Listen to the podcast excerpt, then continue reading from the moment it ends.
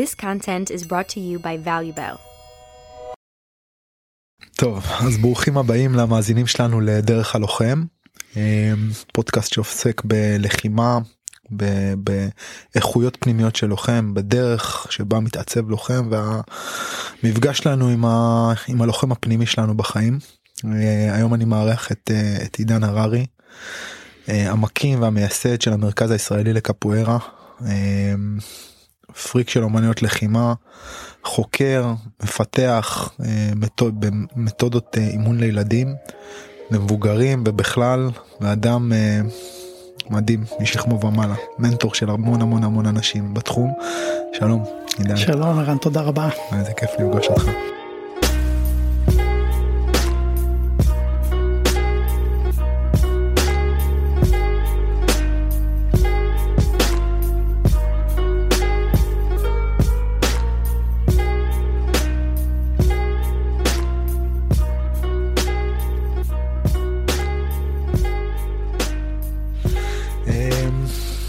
בוא, בוא ככה אתה יודע מה ככה לפתיחה משהו שלא שאלתי אף אחד מה איזה, איזה דמות אה, של אומן לחימה הכי השפיע עליך או פגשה אותך או מה בעצם האייקון הזה ש, ש, שגורם לך להתחיל את המסע. אה, טוב אני חושב ש, שזה יהיה קצת נדוש אבל אה, שנות ה-70 זה פחות או יותר מתי שאני אה, נחשפתי ככה לעולם הקולנוע אז היה ברוסלי הוא היה כוכב ואני זוכר שהיינו ילדים אה, היו היו מזמינים סרט הסרטה של סרט בימי הולדת. ואחד מימי ההולדת היה הדרקון של ברוסלי. ויצאתי החוצה וכל הדרך הביתה אני לא יודע מה זה היה שעשיתי אבל זה היה אה, בהשראת הסרט אז זהו אז הבנתי פחות או יותר. זה היה בטח הייתי בגן או משהו כזה. זה היה תקופה שאני זוכר כולם היו בחוץ לא היה טלוויזיות מן הסתם כולנו היינו בחוץ. ואני זוכר שתמיד אחרי סרט כזה של ברוסלי זה היה תקופה שזה רץ בכבלים הפיראטיים בהקרנות בזה וחבורות של ילדים היו חותכים מקלות מטאטא מחברים ביניהם בין, עם, עם שתי מקלות. מח, ביניהם. מחטיפים לעצמם בומבות מטורפות. אין אין מקום בראש שלי שלא חטף שפיץ של מקל מטאטא. נונצ'קו. מהנונצ'קו. זה כאילו זה זה פשוט אתה יודע זה סרט שעיצב עיצב דורות של של ילדים ממש ש... ככה כן ולאכזבתי הרבה אז זה היה בגן ואז בכיתה א' אמא שלחה אותי לג'ודו ג'ודו בדיוק אז כאילו איפה היה כל ה flying kicks והנונצ'קו והשאגות. אה? ברוסלי הרים להנחתה והחבר'ה של הג'ודו פשוט עמדו וחיכו שם כן. כאילו ופשוט תפסו את כל ה... את כל הפירות נופלים מהעץ. זהו. היום בדיעבד אני אני לא לא מת, אני לא אני כל כך שמח שעברתי דרך הג'ודו אני חושב שזה התחלה מאוד נכונה הייתה. אה, אני חושב שקיבלתי משם דברים שלא הייתי מקבל אם הייתי לומד אומנות לחימה אחרת. אני חושב בגיל הנכון היום זה דבר שאני מאוד מתעסק איתו. הדבר, לספוג את הדברים הנכונים בגיל הנכון ואני חושב שג'ודו בכיתה א' בגן הוא יותר יעיל מאשר ללמוד striking. מעניין. אז כן כי אני חושב שהמשחק של ה striking המשחק עצמו זאת אומרת אם אני אומר מעבר לעשות טכניקה כיהון אהמ. כזה מול המראה או, או shadow box. המשחק עצמו הוא מסוכן וילדים נדרש מהם המון ויסות כוח שליטה אה, אממ. בשביל באמת להצליח לשחק את זה אממ. אז לעשות את התנועות באוויר זה משהו אחד וזה fun וזה נהדר ואתה לומד מזה המון דברים גם. המון על אה, אסתטיקה של תנועה וקואורדינציה אבל כל הנושא של המשחקיות הוא באופן טבעי תן לילדים להיות ביחד התחילו להתגלגל אחד על השני. אתה לא רואה חיה בטבע שעומדת שני, שתי חיות אה, צעירות שעומדות ומתאגרפות אחת מול השנייה. בדיוק. גם קופים.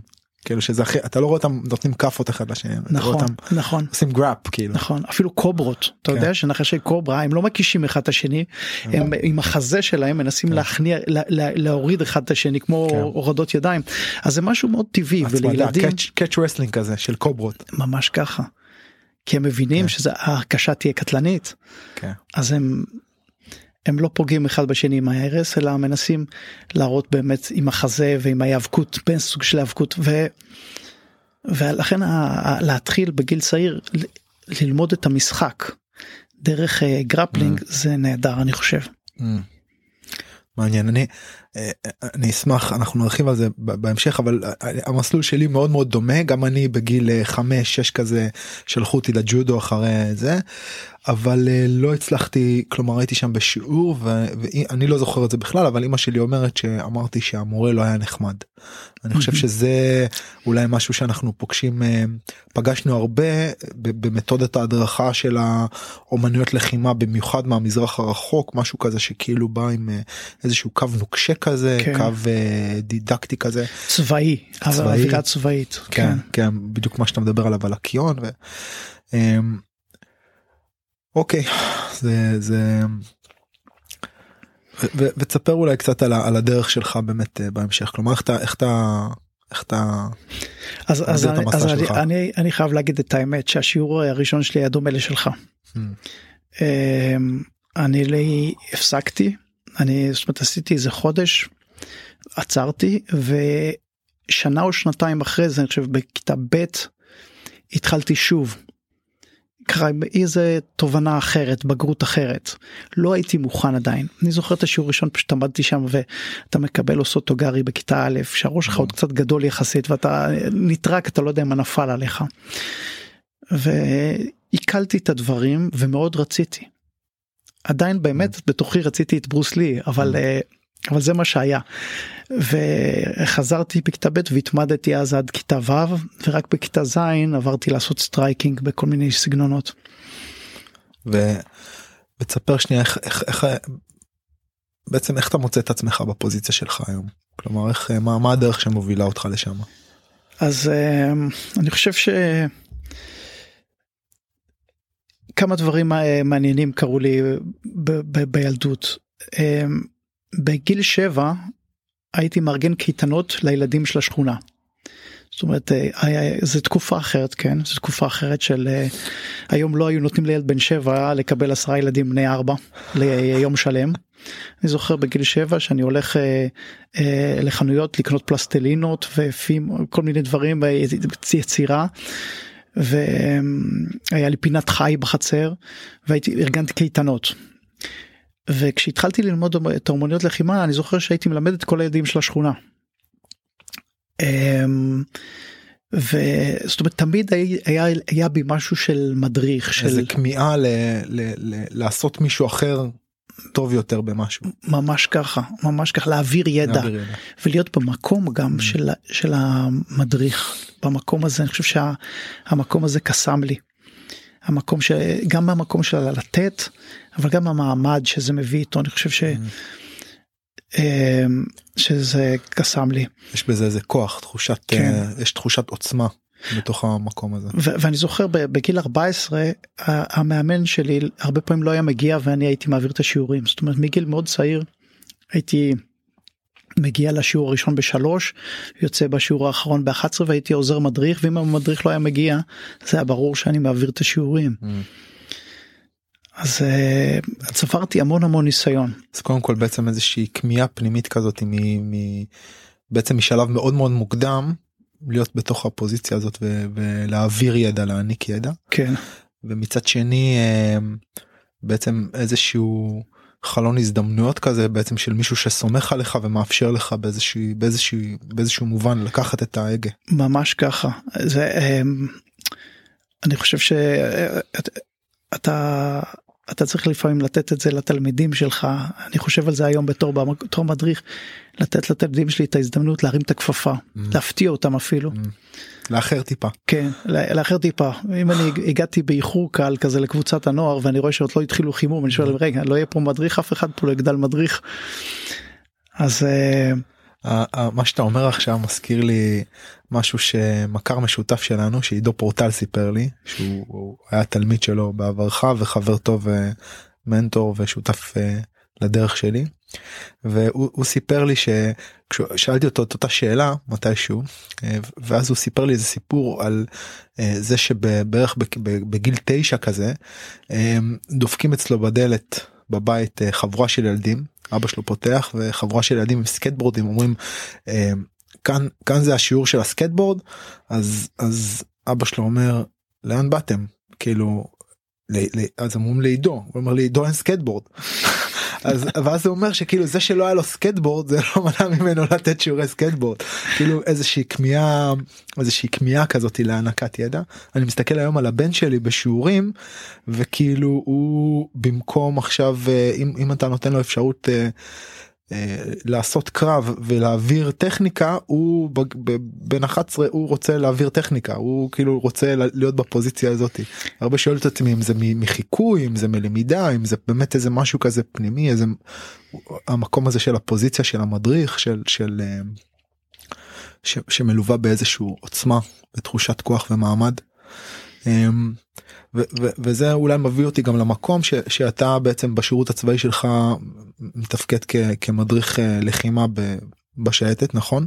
מדריך אה, כן קרב מגע וכושר גופני קרב קרב מגע בשייטת ויש איזה משהו שכולנו כל, ה, כל ה, הישראלים אנחנו עוברים דרך איזושהי דרך המטחנה הזאת של הצבא דרך המשפך הזה של הצבא שהוא מאוד תורם לעיצוב של הזהות שלנו במיוחד בצו ב, ב, בשלב מוקדם יותר.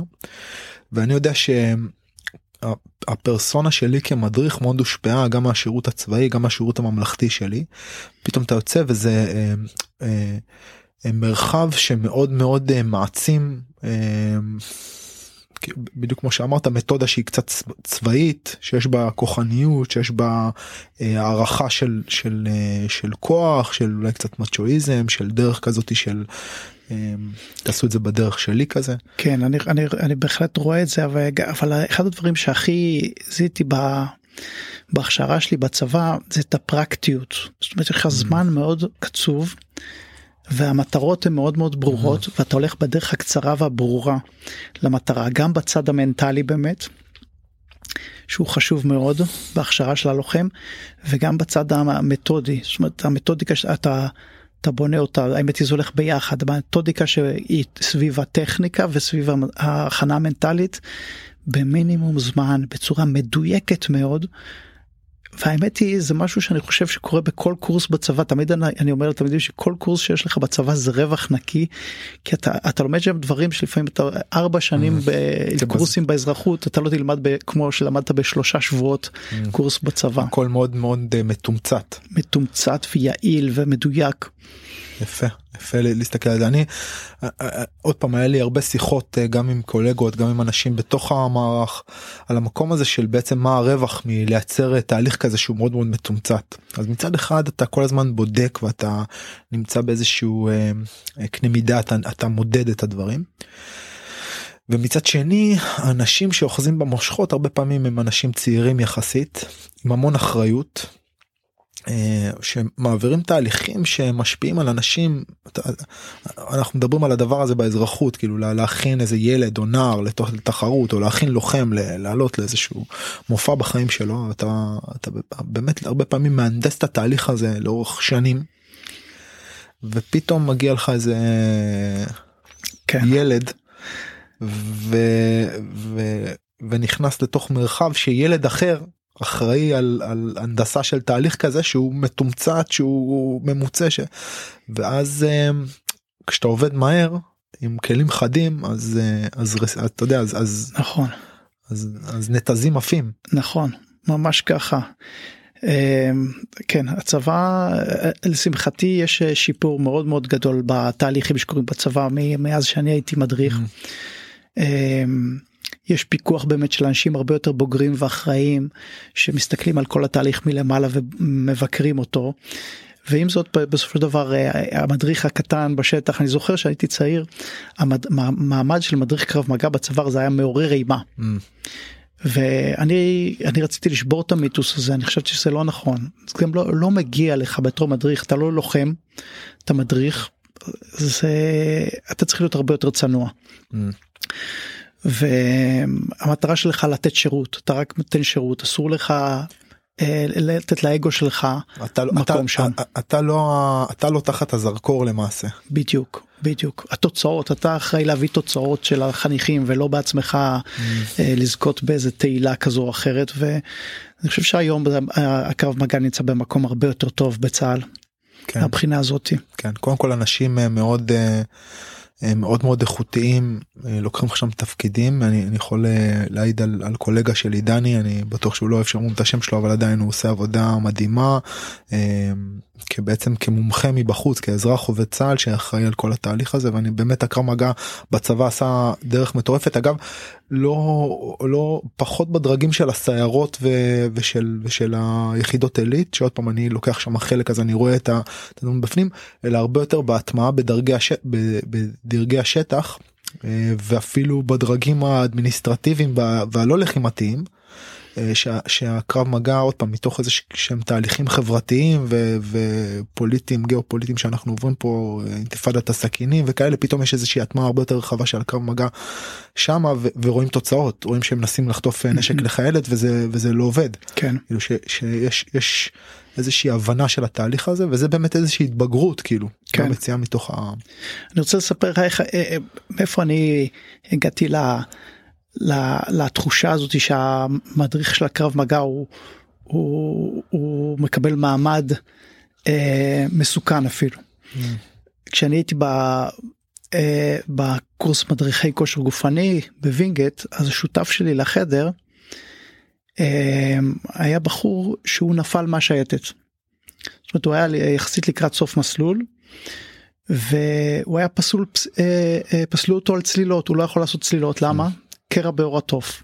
איך קרה הקרע? בשיעור קרב מגע לא תגיד שהוא עשה קרב עם חניך אחר. פשוט המאמן קרב מגע נתן לו בלשון העם כאפה. פשוט פגע לו mm. באוזן וקרע באור התוף. עכשיו כל התקופה הזאת שאנחנו היינו ביחד שותפים לחדר והיינו נשארתי להדריך גם בווינגיט אז הוא נשאר היינו ביחד מדריך מדריכים הוא ניסה לחזור לשייטת זאת אומרת הוא עשה ניתוח אה, אחרי ניתוח זה פעמיים לשחזור אור התוף ולא הצליח ולא לא, לא הצליחו לתקן לו את זה והכמיהה שלו לה ואני חוויתי את זה מה, מהצד בתור מדריך קרב מגע צעיר ואני רואה את החבר שלי איזה נזק זה עשה לו ואת הסבל. Mm. וזה הפיל לי זה אסימון על, ה, על התפקיד שלנו בתור מדריכי קרב מגע. כמה אחריות כמה יש בפוזיציה הזאת וכמה כמה צריך להתייחס אליה ב... כמעט בחרדת קודש לפוזיציה הזאתי. כן. אמ, שאני מסתכל היום על קולגות שלי בתוך ה... בתוך תחום הלחימה ואימון הלחימה אמ, ו... ואני רואה כמה סוגיות או כמה נקודות שצצות שם. אחד באמת אנשים שמגיעים לתוך הפוזיציה הזאת מתוך איזשהו מקום חסר. כלומר אה, בתוך הדרך ההתפתחותית שלהם הם, אנחנו פוגשים מוקדם יחסית לפעמים את הפוזיציה הזאתי כלומר הרבה מאמנים מתחילים בגיל 25 6 7 כשאתה עדיין בתהליכי הבשלה והגדרה ועיצוב העצמי שלך. והפוזיציה הזאת של להיות מול הדת מאמינים מול מתאמנים שבעצם מסתכלים על המילה שלך ובמקום הזה יש לך הרבה כוח. אה, כי אתה חזק יחסית ואתה ו, וזה פוזיציה ש, שאם אתה לא מבין את הסכנות ש, שהיא טומנת בחובה. ה, כאילו התחושת ההומונופוטנטיות הזאת שאתה יכול הכל אה, זה זה אה, זה פוזיציה ש, שיש בה סכנות. אני זוכר שאני אני ראיתי סרט וישר אני שלחתי לך אה, הודעה ערן אתה חייב לראות את הסרט הזה. Mm. ואמרת לי כבר ראיתי ויש לי כבר הרצאה מוכנה mm. עליו על האומנות ההגנה העצמית. כן. כן. מעין אה, פרודיה שחורה כן. על, ה, על סצנת אה, אבל באמת על סצנת אומנויות הלחימה אולי של אה, כמה שנים אחורה. כן, כן זה מתאים כאילו קצת לאייטיס קוברה קאי כזה ו... ו... בדיוק אבל זה דבר אמיתי לגמרי זאת אומרת mm. ש... שאתה יכול לראות אותו גם היום את הקצת מהסממנים האלה והוא אמיתי מאוד. ואני חושב שהוא סרט חובה לכל mm. מורה לאמנויות לחימה באמת לבוא ולבחון את עצמו את המקום שלו את העמדה שלו את ההשפעה שלו כי באמנות לחימה יש משהו שנותן המון כוח המון העצמה. הוא נותן המון העצמה ובתור המדריך והדירוג של החגורות עם ההיררכיה של כל התלמידים יש שם משחקי כוחות מסוכנים. Mm. פשוט ככה משחקי כוחות מסוכנים ואני חושב אה, אני לעצמי זה, זה, זה, זה אני כל הזמן אומר עידן צנוע צניעות צניעות שים את עצמך במקום עומד מולך מישהו שהוא אה, אה, אה, אולי הוא יכול להיות אה, אה, הרופא שלך או, או עורך דין מצליח או לא יודע מה לא משנה האמת היא מה אם זה המכונאי רכב שלך היום הוא בתוך הזירה שלך והוא הוא, הוא, הוא נתון אה, ממש לחסדיך. לחסדיך ממש ככה. ו, ויש לך באמת השפעה אדירה עליו הוא, הוא הגיע אליך ואתה מצפה כשהיית מגיע אליו למוסך שלו או לקליניקה שלו, לקליניקה או שלו באמת שיתייחס אליך באותו כבוד נכון ואיכשהו באומנויות לחימה זה לא לגמרי ברור כמו Mm. כמו שהיינו מצפים. אז, אז אולי אה, אוקיי אז אני אתן אה, איזשהו כמה מילים על, על איך אני תופס אותך. אה, בעצם הקפוארה מבחינתי ענף מאוד מאוד מורכב ללימוד ולהטמעה היא בעצם מערבת כמה דיסציפלינות ב, ב, בתפיסה שלי. מצד אחד איזושהי דיסציפלינה של אה, בעיטות של של הרבה סיבוב הרבה הרבה בעיטות אה, ו, ובעצם איזה שהם איכויות של עיבוד קשר עין הרבה בליסטיקה. מצד שני גם איזשהו סוג של עבודת קרקע וזחילה מצד שלישי גם אה, אה, נגינה. מצד רביעי הרבה אקרובטיקה ובעצם שליטה ומיומנויות גוף. וכשאני מסתכל על המשהו הזה מבחוץ כאדם שהמקצוע שלו הוא להעביר ידע הוא בעצם אה, לפרק תנועה אני אומר וואו הדבר הזה מורכב להעביר אותו. ואני מסתכל היום על אומנויות לחימה בארץ כדיסציפלינות אה, שאפשר למדוד אותם במספר חניכים ויש מבחינתי בהבנה שלי יש את הג'ודו שזה ספורט אולימפי ממומן על ידי המדינה נדחף על ידי המדינה מת- מתוגמל אה, מישהו שרוצה להיות בעצם אה, שהולך למקום של הצטיינות מקבל כסף מהמדינה מקבל תמיכה. ואחרי הג'ודו לדעתי אני לא מדעתי את זה אבל לעניות דעתי במספר חניכים יש את הקפוארה. אה, שזה מין משהו כזה מאוד מסונף. היום שאתה אומר לאימא תשלחי את הילד שלך לאמנות לחימה יש לה כאילו באינטואיציה שלה שתי בחירות ג'ודו או קפוארה. ו... אה, ולדעתי התהליך הזה שקרה לקפוארה קרה פחות או יותר ב-20 שנה האחרונות 25 שנה האחרונות כן ובהבנה שלי את הנפשות הפועלות אתה בעצם סוג של אחראי לתהליך הזה. אז אז אז ההבנה הזאת של אה, אה, אדם שמהנדס תהליך לא רק של אה, איך הוא מלמד חניכים להיות לוחמים טובים ותכף נדבר עם קפוארה זו אמנות לחימה בכלל או לא אבל אדם שמהנדס חניכים להיות חניכים אה, לוחמים טובים אלא יותר מזה ראש בעצם של מערך הד- הדרכה שמהנדס חניכים להפוך להיות מדריכים ומדריכים להפוך להיות מאמנים ומאמנים להפוך להיות מורים ומין כזה שיטה שבעצם גדלה בטם אפ כזה ולא top down לא כן. אה, אז אז אז אני, אני רוצה לה- להתחיל איפשהו מההתחלה מה שאמרת על באמת קפוארה והג'ודו. אה, יש כמה יתרונות ברורים לקפוארה. אה, דבר ראשון זה לא תחרותי. זה הישגי מאוד סופר הישגי אבל לא תחרותי המערכת התחרותית היא מכבש שדורס הרבה. הרבה ילדים בדרך ואני יכול להרחיב על זה אבל אולי בה- בהמשך השיחה. אבל אה, במקום הזה של למצוא פלטפורמה שהיא הישגית מאוד נותנת אתגרים מאוד מאוד ברורים ומאוד מאוד מוחשיים לתלמידים כמו שאמרת המורכבות של הטכניקות והפיזיות של הטכניקות בקפוארה הם כאלה שהם יוצרים אתגרים כלפי עצמך בתור התחלה. זאת אומרת לפני שאתה מתחרה ביריב שלך בכלל להשיג את המיומנויות הטכניות זה אתגר מאוד משמעותי. אז אה, אז אני חושב שזה אחד הדבר, הסודות של הקפוארה באמת בהצלחה שלה היא, היא נותנת מקום לכל אחד בתור התחלה לפני שהוא מתמודד עם האחר להתמודד עם עצמו ולנסות להשיג וזה כל אחד מאוד אישי להשיג את היכולות הפיזיות האלה. עכשיו כשאנחנו מדברים על בנייה של ספורטאי או בנייה של לוחם דיבר, הזכרת את זה מקודם זה תהליך מאוד ארוך אנחנו יודעים כמה זה תהליך ארוך. האתגרים הם אתגרים אתגר, הדרגתיים לאורך שנים. ואחד הדברים החשובים ביותר בתחילת התהליך זה רק ליצור לו את השפה את האוצר המילים את התנועתיות את היכולת בכלל להשתמש בגוף שלו. Mm. אני חושב ש... אתה תיקח ילד שעשה קפוארה מהגן עד אה, גיל 10 ותשים אותו אחרי זה בכל אומנות לחימה אחרת הוא תוך שנה הוא יהיה אחד הכוכבים.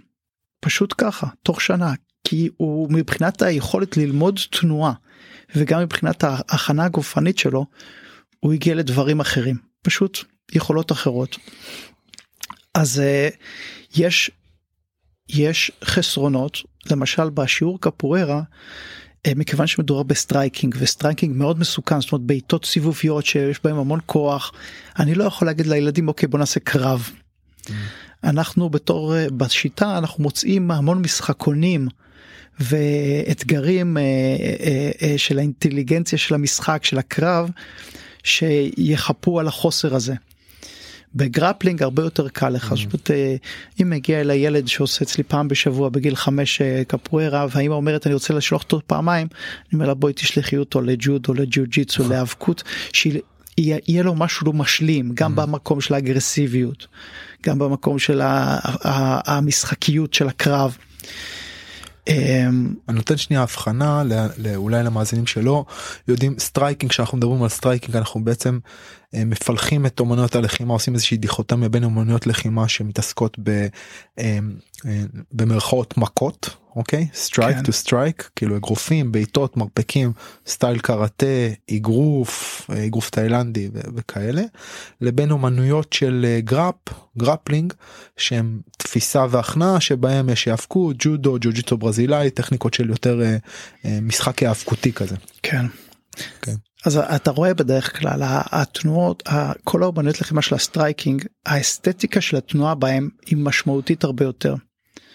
אומרת, אפילו מה זה אפילו אנשים חושבים הרבה פעמים על אגרוף שזה לתת מכות אבל האסתטיקה של התנועה היא כל כך חשובה ועוד פעם אני חוזר פה לברוסלי mm. שאומר שאתה לפני שאתה לומד להילחם תלמד לרקוד התנועתיות mm. של הרגליים התנועות של הידיים הכל צריך להיות אה, תנועה רכה ומנוצלת נכון אנרגטית איכות של תנועה effortless כן. איכות של תנועה אסתטיקה של התנועה אה, ואחרי זה אה, על זה אתה מלביש את היעילות. עכשיו בהרמוניות של הגרפלינג גם אסתטיקה של התנועה היא חשובה בהחלט אבל uh, יותר חשוב השיווי משקל המקום של האגרסיביות המשחקיות האינטליגנציה האינטליגנציה התנועתית יותר חשובה מהאסתטיקה של התנועה. כי מכיוון שאתה אוחז אוחזים אחד את השני התנועתיות הרבה יותר מוגבלת של הגוף. איך, איך שאני אוהב אה, לפעמים להסביר את זה אה, אני, אני מרגיש שהרבה פעמים כשיש לנו איזשהו סוג של קרב שהוא grappling ששני אנשים נפגשים זה סוג של אה, חידה תנועתית. כאילו היריב שלך הוא סוג של חידה. ואתה בעזרת הגוף שלך צריך לפצח את החידה הזאת. עכשיו יש כל מיני דרכים להגיע לחידה אה, לפתור את החידה והדרך הכי אלגנטית היא לא בהכרח הדרך שמנצחת לפעמים. כלומר ילד יכול לעשות תנועה יפה אבל השני איכשהו בעזרת איזושהי אינטליגנציה של חתול רחוב יקפוץ מאיזה כיוון ובעמידה הרבה פעמים ה, ה, ה, האפקטיביות היא, היא, היא, היא פועל יוצא של באמת איזשהו סוג של כן פיין בתנועה שלך כן. כאילו מי שיהיה טיפה יותר ארוך טיפה יותר נקי הוא כן זה שיצליח ואז ואז אה, זה שני צדדים של של של אותו מטבע. כן, בעיקר ברמות הגבוהות ברמות הנמוכות. אנחנו רואים הרבה פעמים האגרסיביות מממ. אתה רואה באמת אחד כזה שהוא fighter אה, נכנס לקרב אגרוף בשנה הראשונה והוא רק מרביץ מכות חזק ולא מפחד לחטוף ובעזרת רוח קרב הוא מנצח. ולאורך הזמן זה יכול להביא אותך so far כאילו יש שם תקרת זכוכית מאוד ברורה. ממש. גם בג'וד אני חושב שבכל אמנות לחימה זה משהו שאתה מאוד לומד אני, אנחנו עושים פרויקטים חינוכיים בבתי ספר גם עם נוער אה, גם ילדים אה, עם צרכים מיוחדים וגם עם ילדים בכיתות נמוכות הרבה פעמים מורות ומנהלות בית ספר מנהל, מנהלים של מוסדות חינוכיים הם קצת נרתעים מהמקום של אה, להביא אומנות לחימה כדי נגיד לעבוד עם נוער בסיכון או עם אה, נוער עם צרכים מיוחדים או עם ילדים עם צרכים מיוחדים כי בעצם מה, ש, מה שהם אומרים זה הילדים האלה הם גם ככה מאותגרים באיזשהו אספקט כזה אז מה אז עכשיו לתת להם גם כלים כאילו זה ילד שאוהב אה, לבוא ולדפוק את הראש בקיר אז מה גם תיתן לו עכשיו פטיש. וההבנה שלי היא שבאמת התהליך הוא כזה שבעצם מייצר להם הבנה ש... הם לא יכולים לנצח במרכאות עם כוח. כי בשלב מסוים הכוח מפסיק להיות uh, פקטור כאילו הוא פקטור כל הזמן אבל הוא מפסיק להיות uh, הדבר הזה ש, שמנצח את הקרב. כן. ואז הם צריכים הם חייבים לפתח לעצמם ארגז כלים שהוא גם ארגז כלים פיזי תנועתי גם ארגז כלים טכני וגם ארגז כלים מנטלי שיכול לתת להם את האפשרות לפתור חידות יותר מורכבות לגשת למשימות בצורה שונה. הייתי באיזה הרצאה של אה, מרק ורטיים מומחה mm. לקורדינציה לא מזמן. והוא אמר משהו מאוד מעניין על כוח שממש זעזע אותי ואת כל הגישה שלי ואת כל המחשבה שלי. הוא דיבר על אה, על החיסרון בספורטאי חזק בגיל הצעיר. Mm. זאת אומרת הספורטאי בגיל הצעיר אותו אחד שהוא אה, עדיף שיהיה קטן וממזר בגיל הצעיר כן. כי, כן. כי בסוף הם כולם יהיו חזקים mm. בסוף הם כולם יהיו חזקים והוא דיבר על זה בהקשר של אה, אה, לא לזלזל ולהשאיר מאחור את הספורטאי הזה שהוא קצת אה, חלש אצלך וגם לא להשקיע השקעה יתרה באותו אחד שקצת התבגר מוקדם וחזק יותר מאחרים. אמ, להעריך מאוד את ה... גם אסתטיקה של תנועה וגם את האינטליגנציה של המשחק כי בסופו של דבר בסביבות גיל 18-19 הם כולם יהיו חזקים. Mm. אז, אה, אז זה משהו שככה אנחנו כמאמנים הרבה פעמים נמשכים ל... ל... מתאמן הכישרוני החזק זה שמצליח להשיג אבל יש משהו בעצם בזה שהוא שלא הולך לו בקלות. זה שמאחורה שהוא קצת נסרח שהאיברים שלו עדיין כזה קצת כי הוא צריך בעצם לייצר חשיבה טקטית ואסטרטגית שונה לגמרי ממש מהזה כן. שהולך דרך הקיר. הוא, הוא צריך בדיוק הוא צריך לפתח את היצירתיות שלו הוא ינצח בעזרת יצירתיות ובסופו של דבר היצירתיות זה גם כן משהו שאתה צריך לפתח בגיל צעיר. את המחשבה היצירתית. מה שאתה מה שאתה אה, השיחה הזאת בינינו עכשיו קודם כל פותחת לי אתה יודע הרבה חלונות כזה תוך כדי שאנחנו מדברים הרבה חלונות נפתחים. א' אה, האמירה שלך בעצם שאתה בן כמה אתה היום עידן? 49 49 כמעט 50 אתה ראש אה, ראש מערך הדרכה מטורף של מאות מאות מאות מדריכים ומאמנים בכל רחבי הארץ ואלפי מתאמנים. ועדיין בתוך כל הדבר הזה בטח ראית אני לא יודע עשרות רבות של אלפים של של אה, של, של מתאמנים. אתה טס בכל העולם ומאמן ועדיין אתה אומר הייתי בהרצאה ו, והדבר הזה אה, אה, זה כאילו ש, בעצם שינה איזה משהו בתוכי באיך שאני מסתכל. אז אז קודם כל על המקום הזה של באמת אולי מה האיכות הזאתי אה, של לאפשר לעצמך להיות תלמיד של לאפשר לעצמך ללמוד אה, כאילו בעצם כמו שאני שומע את זה בתוך באמירה שלך אתה מרשה לעצמך לשים בסוף המשפט שלוש נקודות או סימן שאלה ולא רק סימן קריאה בדברים מסוימים אז אז אחד על האיכות הזאתי כמאמן כי הרבה פעמים אנחנו כמאמנים צריכים בעצם לייצר איזשהו לפחות אולי בתפיסה שלנו סימן קריאה כאילו אני אומר ככה זאת הדרך אנחנו מתווים דרך. ואז עם הדרך הזאת איך בעצם מייצרים את האיזון הזה בין דרך שהיא ברורה ומובילה קדימה לבין זה שאתה מרשה לעצמך להיות תלמיד ולשאול שאלות גם בפוזיציה שלך. דבר ראשון אני רוצה להגיד לך שלפני שנכנסתי לפודקאסט הזה התקשרתי לקולגה אה, שעשה איתי פודקאסט אחר. ואמרתי לו אתה חבר אמת? אומר כן. אני פונה לך כי אתה לא תלמיד שלי ואתה לא תסבן אותי. תן לי פידבק אמיתי על הפודקאסט שעשינו. אמיתי אבל אני לא רוצה לשמוע. זאת אומרת אם אתה לא במקום הזה של אה, ביקורת עצמית או לקבל ביקורת מבחוץ אז אתה לא אתה לא במעגל הזה של להשחיז כל הזמן ולהתקדם כל הזמן ולהשתפר כל הזמן Mm. ואתה תישאר מאחור ואתה גם אתה גם תשתעמם מעצמך אני בכל אופן אני כל הזמן במקום שאני רוצה um, לעניין את עצמי. Um, אני לא מפסיק להיות תלמיד אני תלמיד תלמיד. אני חושב שאני אוטודידקט אני שעות ביום שעות ביום אני מטייל ביוטיוב ואינסטגרם לראות uh, סרטונים וללמוד דברים לקבל השראה. לקבל השראה והרבה פעמים אני רואה דברים ואני חוקר אותם ומנתח אותם אה, לאו דווקא מעולם הקפוארה ולאו דווקא מעולם האומניות הלחימה. אה, אז אז כן אתה אה, זה קצת עצוב לראות מדריך שעושה את אותו דבר וחושב את אותו דבר מגיל 20 עד גיל 50 זה קצת עצוב כי היום כשאני מסתכל על אחורה אז uh, עשיתי המון טעויות Mm. בתחילת הדרך המון טעויות. Um, על חלקם אני ממש מצטער אולי אפילו פגעתי באנשים אולי uh, עיכבתי אנשים אולי אוכל סרטים אבל אם Mm. אתה לא אוכל סרטים אז אתה אתה באמת לא משתפר. אני חושב שהאנשים האלה שיש מצד אחד צריכה להיות לך uh, ללכת עם אמת מה שאני עושה היום אני עושה Mm. בהחלטיות כן? החלטיות אבל כל הזמן גם בראייה ביקורתית. תעשה תעשה ברצינות ותעשה עם כל הכוח תעשה חזק תעשה טוב תעשה יעיל. אל תיתן לביקורתיות לגרום לך לשתק אותך. אבל כן כל הזמן אה, תנסה לשפר את אה, צעדיך. אתה אתה יש לך רגעים היום שאתה אומר לעצמך אם אני מאמן טוב. כל יום מה זאת אומרת אין שיעור שאני יוצא ממנו ואני לא.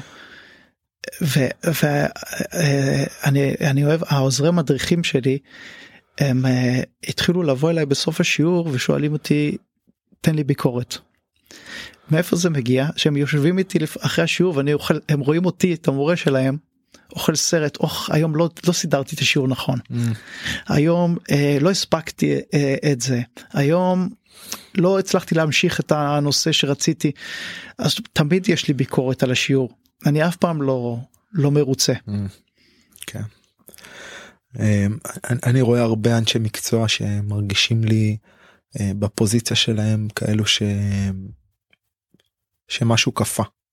כאילו ב, ב, בהתפתחות שלהם ומדי פעם אני רואה כאלה שמשהו קפא ו, אה, ופתאום נכנסת רוח חדשה לתוך, ה, לתוך הדבר הזה ובאמת אה, איך אנחנו מתחדשים בתוך העבודה שלנו איך אנחנו מוצאים את הדבר הזה אה, איך, איך, איך אנחנו מאפשרים לו לחדש אותנו. זה מוביל אותי אולי לשאלה של האם הדרך הזו כאילו איך אנחנו עושים את, ה, את ההגדרה הזאת של הדרך הזו של, ה, של הלחימה האם היא רק דרך פרקטית או כזאת שאמורה לעשות אותך חזק יותר להגן על עצמך או אם היא משהו מעבר כשאני אומר משהו מעבר האם היא איזשהו דרך כן. רוחנית דרך להתפתחות אני לא אתה יודע קשה קשה בוא בוא בוא, בוא ניגע בזה שנייה. כן. זה מביא אותי למקום שזה פרשת דרכים בחיים שלי שסיימתי את הצבא והייתי צריך להחליט אם אני חוזר לתחום של הקיקבוקס אגרוף אה, מתפתח במקום הזה ש... או הולך למקום של אה, קראטה שהייתי שם לפני הצבא בשני המקומות האלה.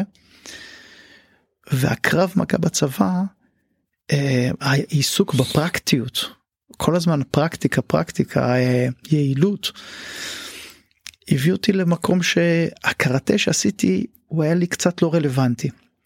מצד אחד הוא עסק בתחרויות הוא עסק בהרבה במהירות וכוח ו...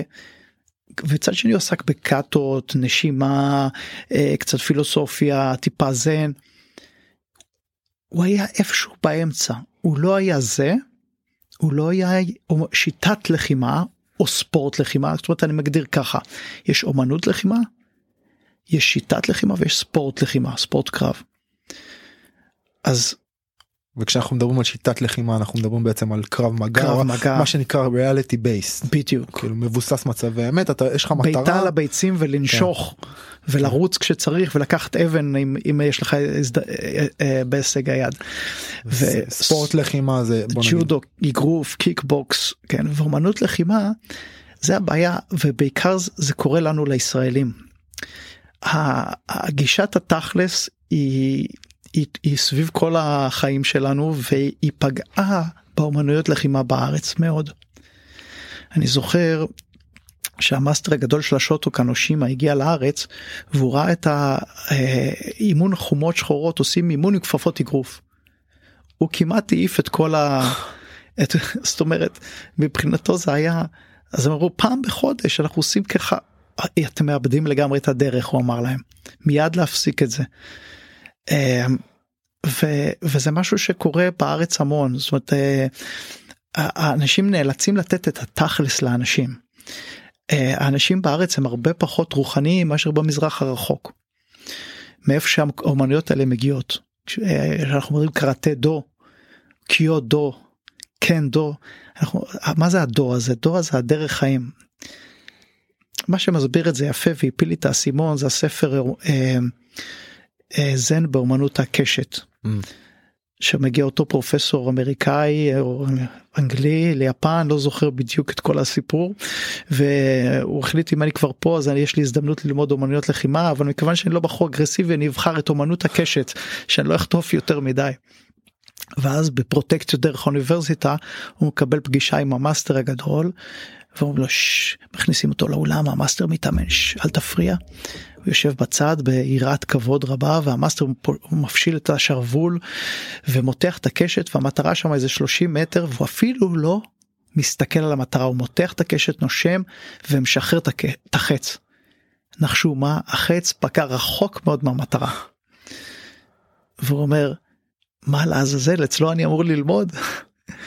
והוא עובר שם תהליך שבו הוא, הוא מבין מה זה הדו הדו זה הדרך. הדרך זה, ה, זה הנשימה הדריכה של הקשת והפגיעה במטרה זה בכלל לא המטרה עצמה אלא הדרך היא המטרה זה כמו אה, אה, אה, אה, טקס, טקס שתיית התה ביפן זה לא עושה את התה יותר טעים. זה, זה מייצר משמעות הדרך מעצבת את ההולך בה. יפה אז, אז זה מייצר משמעות זה וזה מביא אותנו למצב של הפלואו ש, שבו אנחנו כמו מדיטציה אנחנו רואים דברים יותר בבירור חדים נוח, יותר נוכחים נוכחים נוכחים מרגישים את הדברים יותר בבירור. ו, ופה אה, קצת בתרבות שלנו זה לא רק בישראל תרבות המערב בכלל. אנחנו מפספסים ואז אתה רואה המון מיקסים של אומנות לחימה קלאסית שאמורה לעסוק בדרך חיים ולא לבחון את עצמה במדד היעילות והמציאות והאם זה זה בכלל לא לא המהות המקורית שלה. אה, ואז נוצר כל מיני מיקסים כאלה. Mm. ואז אתה רואה באמת רואה המון אה, דברים אה, באינטרנט של של מורים לאומנית לחימה שקוראים תיגר על איזה מאסטר כזה או אחר ש, ואני ש, אומר שמנסים להתווכח מי למי יש את האומנות לחימה גדולה יותר כאילו. כן כן מי, וזה עצוב. מי משתין יותר רחוק עם הרגל? זה ממש זה ממש ממש עצוב זה. אה, מפספסים את, ה, את הפואנטה. והכי עצוב זה ש, שבאמת אה, מגיע אחד כזה מאומנות לחימה קלאסית ומנסה באמת יבוא אחד מקפוארה שחצי מהזמן הוא עסוק בנגינה או בעמידות ידיים, ידיים אה, וכל היום מדברים איתו על אינטראקציה וזרימה ותקשורת עם הבן זוג ופתאום הוא ינסה אה, אה, אז אז גם הוא מלכלך מקלקל את האומנות שלו וגם הוא הרבה פעמים הוא יוצא פתטי. אה, זה אני פותר את הרבה פעמים את השיח הזה שבעצם נכנסנו אליו עכשיו את הסוגיה הזאת שבעצם סוגיית האפקטיביות. היא בעצם נוגעת באיזשהו מקור מקור קדמון למה שאנחנו עושים היום. המקור הקדמון הוא בעצם זה ש... כל אמנויות הלחימה נולדו מתוך שיטות לחימה. וכל ענפי הספורט הלחימה נולדו משיטות לחימה או מאומנויות לחימה לכולם יש מקור קדמון והמקור הקדמון הזה פעם היה אפקטיביות בשדה הקרב. אמ, אגב גישה משחקית או יצירתית אני זוכר עד היום שעשיתי איזשהו טרק בלאוס בצפון לאוס באיזה מקום של ג'ונגלים מטורפים ואתה אין לך אתה הולך שלושה ימים לתוך איזה ג'ונגל ואתה פוגש יושן אצל איזה שבט שאין לו כלום אין לו מגע עם, ה, עם, ה, עם העולם החיצון. ואני זוכר ילדים בני אה, ארבע הולכים עם מצ'טות כאילו בלי תחתונים בלי בגדים הולכים עם מצ'טות ובקרחת יער אני רואה את אותם ילדים משחקים משחק.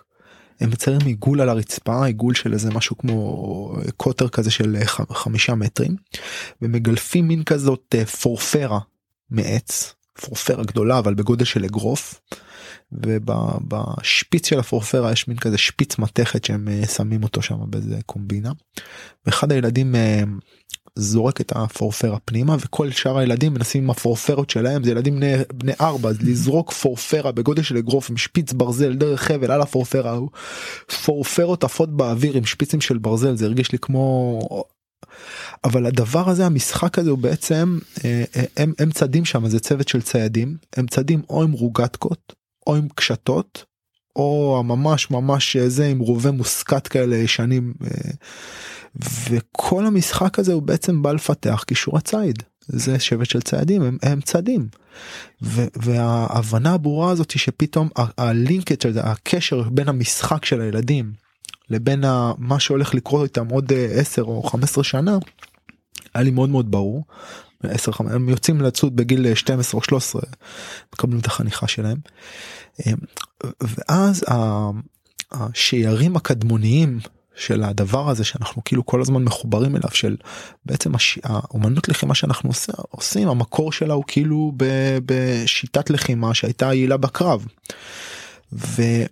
ואז זה מחזיר אותנו לשיח הזה למרות שהשיח הזה היום בימינו הוא כבר לא כל כך שיח אה, רלוונטי כאילו אתה לא יוצא החוצה ואתה הולך מכות אבל אתה כן רוצה שמה שאתה עושה יהיה יעיל לפחות בתפיסה שלך כי אני חושב שהעיסוק באמנות לחימה אה, כדרך נותן לך תחושת שליטה בחיים. וחלק מההגדרה הזאת של מה שאני עושה הוא, הוא גם יעיל או אפקטיבי אני מרגיש שזה חלק אה, בשיח של אנשים שמגיעים להתחנך אצלי ובכוונה אני אני אומר להתחנך אה, ולא רק להתאמן או לבוא לבלות אצלי בחוג במרכאות. אמ, חלק ממה שאנשים מחפשים זה איזושהי תחושת שליטה או תחושת משמעות. או או. והשיח הזה שאנחנו כאילו מנהלים ואני רואה גם כל מיני עוד פעם קולגות ואנשים מורים מנהלים את השיח הזה בכל מיני רשתות חברתיות שהופכות את הכל זה מי יותר חזק או מה יותר אפקטיבי או מי ייקח בין אה, זה, זה שיח שמייצר תחושת שליטה. הכל הוא לגמרי לגמרי אמורפי ומדומיין כי אין כן. לנו באמת תחושת של... כן, כן. אנחנו לא באמת שולטים על כלום אבל אבל זה משהו שמייצר איזושהי תחושת שליטה בעולם שנהיה כאוטי יותר ויותר בתפיסה שלנו. כן. אני רוצה להגיד לך אחד הפידבקים שקיבלתי על, ה, על פודקאסט שהשתתפתי בו וזה מתחבר לנקודה הזאתי. ואני חייב בזה לעשות רידמפשן. זה יודע. לא פייר באת עם אה, הכנה מוקדמת כן. אני באתי ככה. אז אז אה, אז ביקשתי באמת פידבק כנה ו... ואז הקולגה אמר לי אני היה לי קשה עם משהו שאמרת אמרת שבא אליך תלמיד בן 40 ומבקש ללמוד סלטה וזה. ואמרת תשמע זה פתטי. ואני לא אלמד אותך סלטה. ו...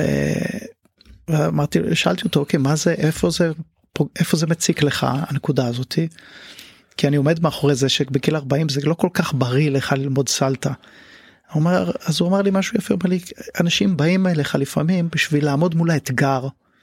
שמים לעצמם אתגר שזה ייתן להם יחזק אותם בהמשך הדרך וייתן להם איזשהו אמ, הכרה ביכולות שלהם. וזה משהו שהוא אני אמרתי לו אוס גדול אוס. מי שלא יודע באומנויות לחימה זה אה, זה כן המפקד ביחד עם קיבלתי ואני מבין. כל, כל זה ביחד זה אוס. לו וקיבלתי קיבלתי צמרמורות ואמרתי לו אתה כל כך צודק אתה כל כך צודק לפעמים בא אלינו תלמיד והוא בא לאומנויות לחימה והוא בא להתמודדות הזאתי אמ, ואנחנו אה, שמים אותו בהתמודדויות אז לפעמים באמת זה סביב האינסטינקטים הבסיסיים האלה שמחזקים כמו שהזכרת בדיוק מתחבר למה שאמרת המקום הזה של אה, להתחנך ולהתחזק ולעמוד באתגרים. ו... אמ, להביא אותנו למקורות שלנו ל, ל, ל, ל, אין, אין דבר יותר פרימיטיבי מ face to face שני בני אדם עומדים עכשיו ופיזית מתמודדים אחד מול השני והעמידה וה, באתגרים האלה גם אם זה בתנאים מאוד סטריליים ודרך משחקיות ומוגנים ולא משנה אם זה בקונג פו או בג'ודו או בקפוארה זה משהו שהוא נותן מחזק אותנו מאוד. זו, אה, אה, אז אז אז אני חושב שזה אחד ה... ה באמת אני אה, חוזר בי אתה יודע באמת במה, במה שאמרתי אה, אני אני עדיין חלקית עומד מאחורי זה זאת אומרת אנחנו בתור המאמנים אנחנו צריכים לתת הישגים אה, ברי, ברי השגה. השגה ובריאים לתלמידים שלנו אנחנו צריכים לכוון אותנו אם בא אליך תלמיד בן 40 ואומר אני רוצה להיכנס לזירה אז אתה צריך אוקיי תיכנס לזירה אבל בוא בוא נמצא לך את הזירה המתאימה. אולי mm. זה לא יהיה אליפות ישראל אבל mm. בהחלט אנחנו יכולים לעשות לך איזה interclub עם מישהו פרח בגילך mm. ב... תחת חוקה מתאימה ואתה uh, תוכל להזמין את כל המשפחה כאילו סיימת מרתון נכון אנשים עושים מרתון אתה שואל למה זה בריא לך אולי עדיף לך לרוץ פעמיים בשבוע 20 דקות זה יותר מתאים בגילך. אז uh, אז אז עוד פעם אה, כן המקום הזה ש, שלנו בתור המאמנים ושבתור התלמידים גם אנחנו שמים לעצמנו את ההישגים האלה. מה, מה שאתה אומר אה, מיד אה, נוגע בי ב, ב, בכמה מקומות. אחד זה שאנחנו כבר לא נמצאים במקום הזה הקדום של ה-survival כאילו ושאנחנו צריכים לצאת לשדה הקרב אנחנו לא נמצאים שם אולי משהו כמו בראייה אבולוציונית אנחנו לא נמצאים שם חצי שנייה. כאילו עד לפני 200 שנה אה, היית הביניים לא היית יודע אם אתה כן, קם בבוקר כן, בדיוק היית היית הולך בדרך ואנשים היו נהרגים על ימין ועל שמאל בכל מיני סיטואציות כלומר כן. הפחד הקדמוני הזה של לעמוד מול גבר זר או מול אדם זר בחשיכה הוא פחד אה, קמאי שטבוע בנו משחר אה, משחר אבולוציה. כן. כלומר זה, זה, זה משהו שהוא כל כך ואנחנו חושבים על זה שאנחנו נהיינו מתורבתים אתה יודע ב-50 100 150 200 שנה האחרונות מה זה זה זה זה חצי מצמוץ. אה, אז הפחד הזה טבוע בנו ופה נכנס איזשהו מושג אולי מעולם הפסיכולוגיה סובלימציה כאילו ההדנה של דחפים. כולנו יש את הדחף האלים הזה שנוכח בנו ובכולנו יש את הפחד הזה ואת ה... וכשאתה שם שני אנשים על מזרון בתוך אה, מרחב לחימתי אתה מהר מאוד יכול להפשיט אנשים מכל ה, ה, אתה יודע, המלבושים התרבותיים שאנחנו שמנו על עצמנו בעוד פעם בפסיק ורבע אה, שנייה של אבולוציה שעברנו ומהר מאוד אתה יכול לחבר אנשים לתוך מקום מאוד מאוד אה, נע מאוד חייתי מאוד רואו כזה כן. בתוכם והמקום הזה הוא, הוא פוטנציאל אדיר לגדילה. כי אתה בעצם פוגש את עצמך ערום ואתה פוגש כן. את עצמך ערום במקום הכי הכי בסיסי בפחד בפחד למות. כן. אה, במשהו שהוא כאילו אתה יודע ההגדרה העצמית הכי בסיסית שלנו הפחד מלחדול להתקיים. ובמקום הזה עוד פעם לנו כמאמנים כמאנד, כ, כ, כאנשי אה, כאנשי דרך אה, יש יכולת לייצר טרנספורמציה עבור עבור האנשים שם שאנחנו פוגשים. אה, וזה עוד פעם נושא נושא להעמיק בו. והדבר השני הוא שסיפרת לי על הבן אדם הזה בן, בן 40 שאתה לא תלמד אותו סלטה ולפני ממש שבוע שעבר אה, אחד המאמנים שלי אה, שעובד במכון אמר לי ערן בוא, בוא בבקשה תיכנס תראה שיעור שלי אני כל גם אנחנו כל הזמן עוסקים בשיוף החרב אה, working progress כאילו איך אני נהיה מאמן יותר טוב אז זה גם משהו שאני מאוד מאוד אוהב להטמיע אצל החבר'ה שלי אז אחד המאמנים בא ואמר לי בוא בשיעור אגרוף בוא תיכנס תראה בבקשה תן לי איזה משוב קצר. ובתוך השיעור הזה הגיעו איזה שני שני מתאמנים בחורה וגבר לשיעור ראשון ומיד אתה אתה, אתה לפעמים קולט שמישהו הגיע והוא אה, הוא כאילו לא הגיע למקום הנכון הוא בטעות נכנס בדלת כזה עם איזושהי קונס, עם איזושהי קונספציה מסוימת והוא כאילו כן. תפלק לו אנחנו יכולים לראות את זה בראי של ראינו כבר אלפי חניכים עשרות אלפי חניכים אני כבר רואה את הבן אדם אני רואה את הסיפור שלו קדימה אחורה בהווה לאן הוא מאיפה הוא בא ולאן הוא הולך. כן. ואז uh, הבחורה עם שיער פזור עם עגילים עושה כל מיני דברים כאילו היא לא, לא מחוברת ממש לזה ואני קורא לה, למאמן שלי שהוא חניך אבל הוא היום הוא גם קולגה וככה אני אוהב להתייחס אליו כן. ואני אומר לו תקשיב זה זה לא הולך לשום מקום עזוב עזוב היא יותר מפריעה מאשר זה הם יותר הם יותר הם יותר פחות תורמים מאשר שים אותם מול השק תן להם שנייה אה, שלא יפגעו בעצמם.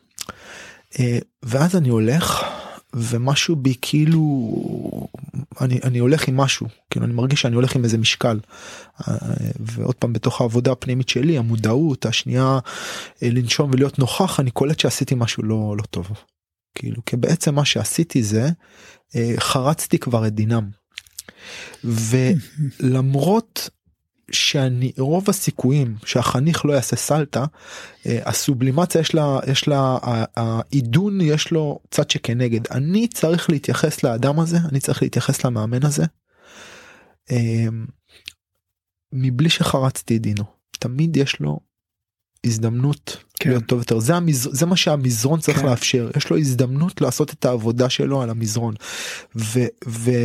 ואני uh, התפקיד שלי פה הוא תפקיד של מהנדס אני מהנדס תהליך אני צריך להנדס עכשיו תהליך לבן אדם הזה אה, כדי לאפשר לעשות את התיקון ואז הבחירה אצלו כן. הוא יכול להחליט ו- וכמובן שאני צריך לעשות את זה בסובלימציה בעידון של ערן, זה, זה אחד התפקידים החשובים ביותר שלנו היום אני חושב בתור מאמני אומנויות לחימה עוד פעם במקום הזה של החינוך וההת...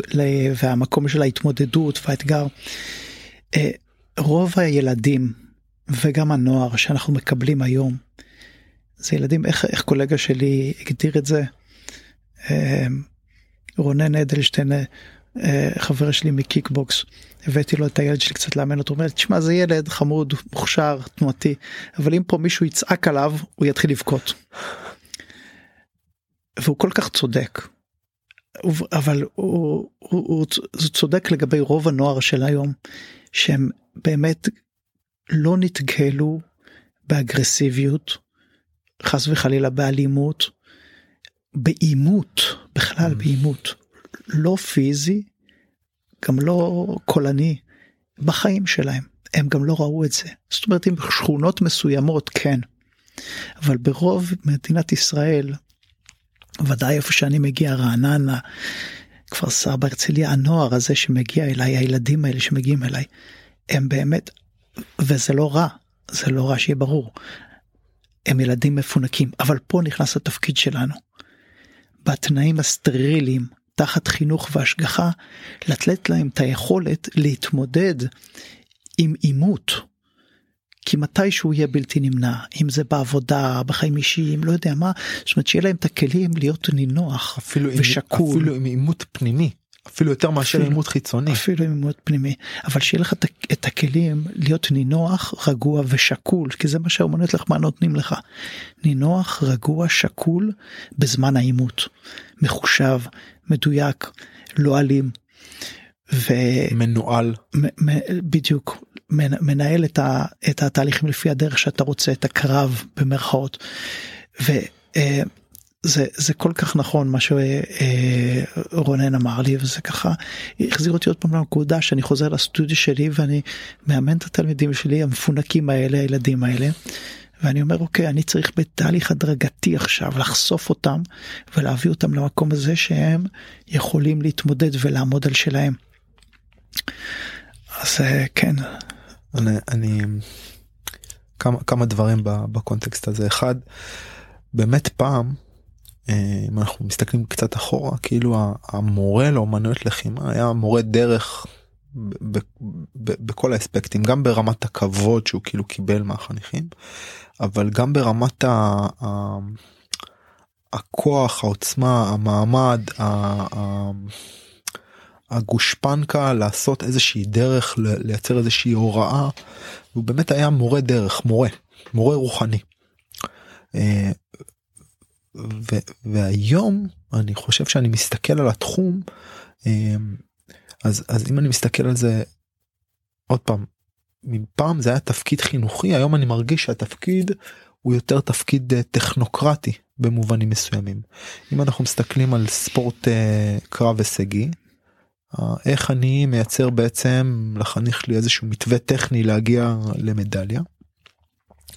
בהרבה מקומות הלחימה הפכה להיות יותר חוג מאשר דרך. זה עוד משהו שאתה בוחן אתה מסתכל כאילו באינטרנט מה אני אעשה קרוספיט או אגרוף.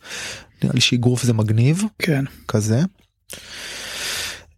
ו, וזה עוד פעם מקרין על הגישה כי כשאתה דיברת מקודם על אה, על, על לפתח יצירתיות לפתח חשיבה מסוימת בתוך במיוחד בילדים אז אז הגישה היא גישה חינוכית.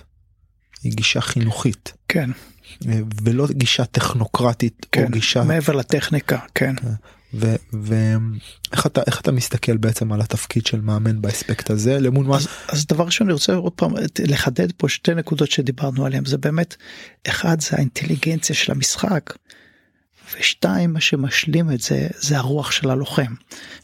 זאת אומרת זה שני דברים שאנחנו דיברנו עליהם והם הם בהחלט התפקיד זאת אומרת יש את הצד הטכני של כל דיסציפלין שבחרת ללמד ואז את המשחק שלו את האינטליגנציה מאחורי המשחק שלו את ה... להבין לא רק את הטכניקה אלא איך משחקים עכשיו זה חלק מאוד משמעותי באגרוף בסופו של דבר אין הרבה תנועה לא ברגליים ולא בידיים ולא אין הרבה תנועות אבל כמה אופציות מבחינת משחק אין סוף. ואז אחרי שיש לך שחקן שיש לו גם את הטכניקה וגם מבין את המשחק הצד המנטלי של הלוחם הרוח.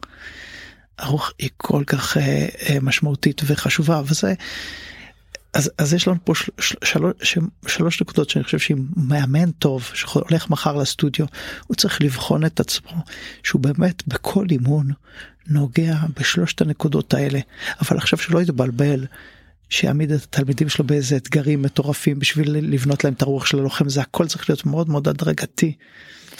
מאוד הדרגתי לבנות אנחנו התפקיד שלנו זה לבנות לא לבחון. אנחנו זה אני רואה מאמנים שהם מתבלבלים. הם החליטו אוקיי עכשיו אנחנו צריכים לשפר את הרוח של הקרב ובמקום לשפר לבנות תהליך של שיפור הם בוחנים ושוברים. כי אם התלמיד לא עבר אז הוא נשבר. נכון? אז שם אני רואה מאמנים שמתבלבלים בנקודה הקריטית הזאת. למה אני אומר קריטית? כי עוד פעם המקום שלנו בתור מאמני אומנויות לחימה. זה מקום שאנחנו יכולים ברגע אחד להעצים מישהו וברגע אחד לשבור מישהו. Mm. זאת אומרת אה, אנחנו אני אומר בקורסי מדריכים איזה הכשרה כבר קיבלת בשביל להיות מדריך.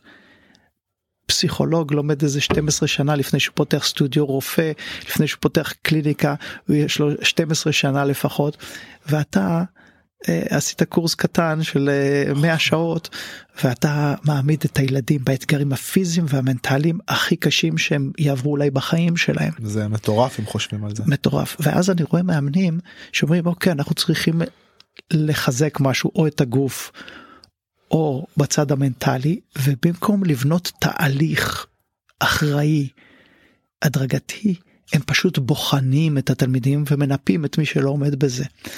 אז הם מפספסים את המקום גישה, שלהם. גישה ב... הישגית. בדיוק. קשור גם לגישה הישגית. בדיוק.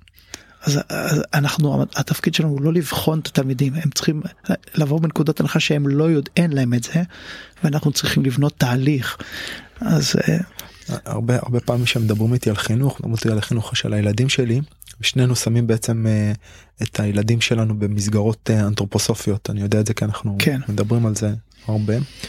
Uh, אגב אני מרגיש שזה שאני בעצם מאוד מאוד uh, מחובר וחוקר ביחס לחינוך של הילדים שלי כי חינוך זה משהו שמאוד מאוד משמעותי בשבילי עבורי זה בעצם מקום שממנו אני יכול לבוא ולהגיד גם למתאמנים שלי או גם ל... אה, בהתחלה הם לא מגיעים כמתאמנים או כתלמידים בהתחלה הם מגיעים כלקוחות.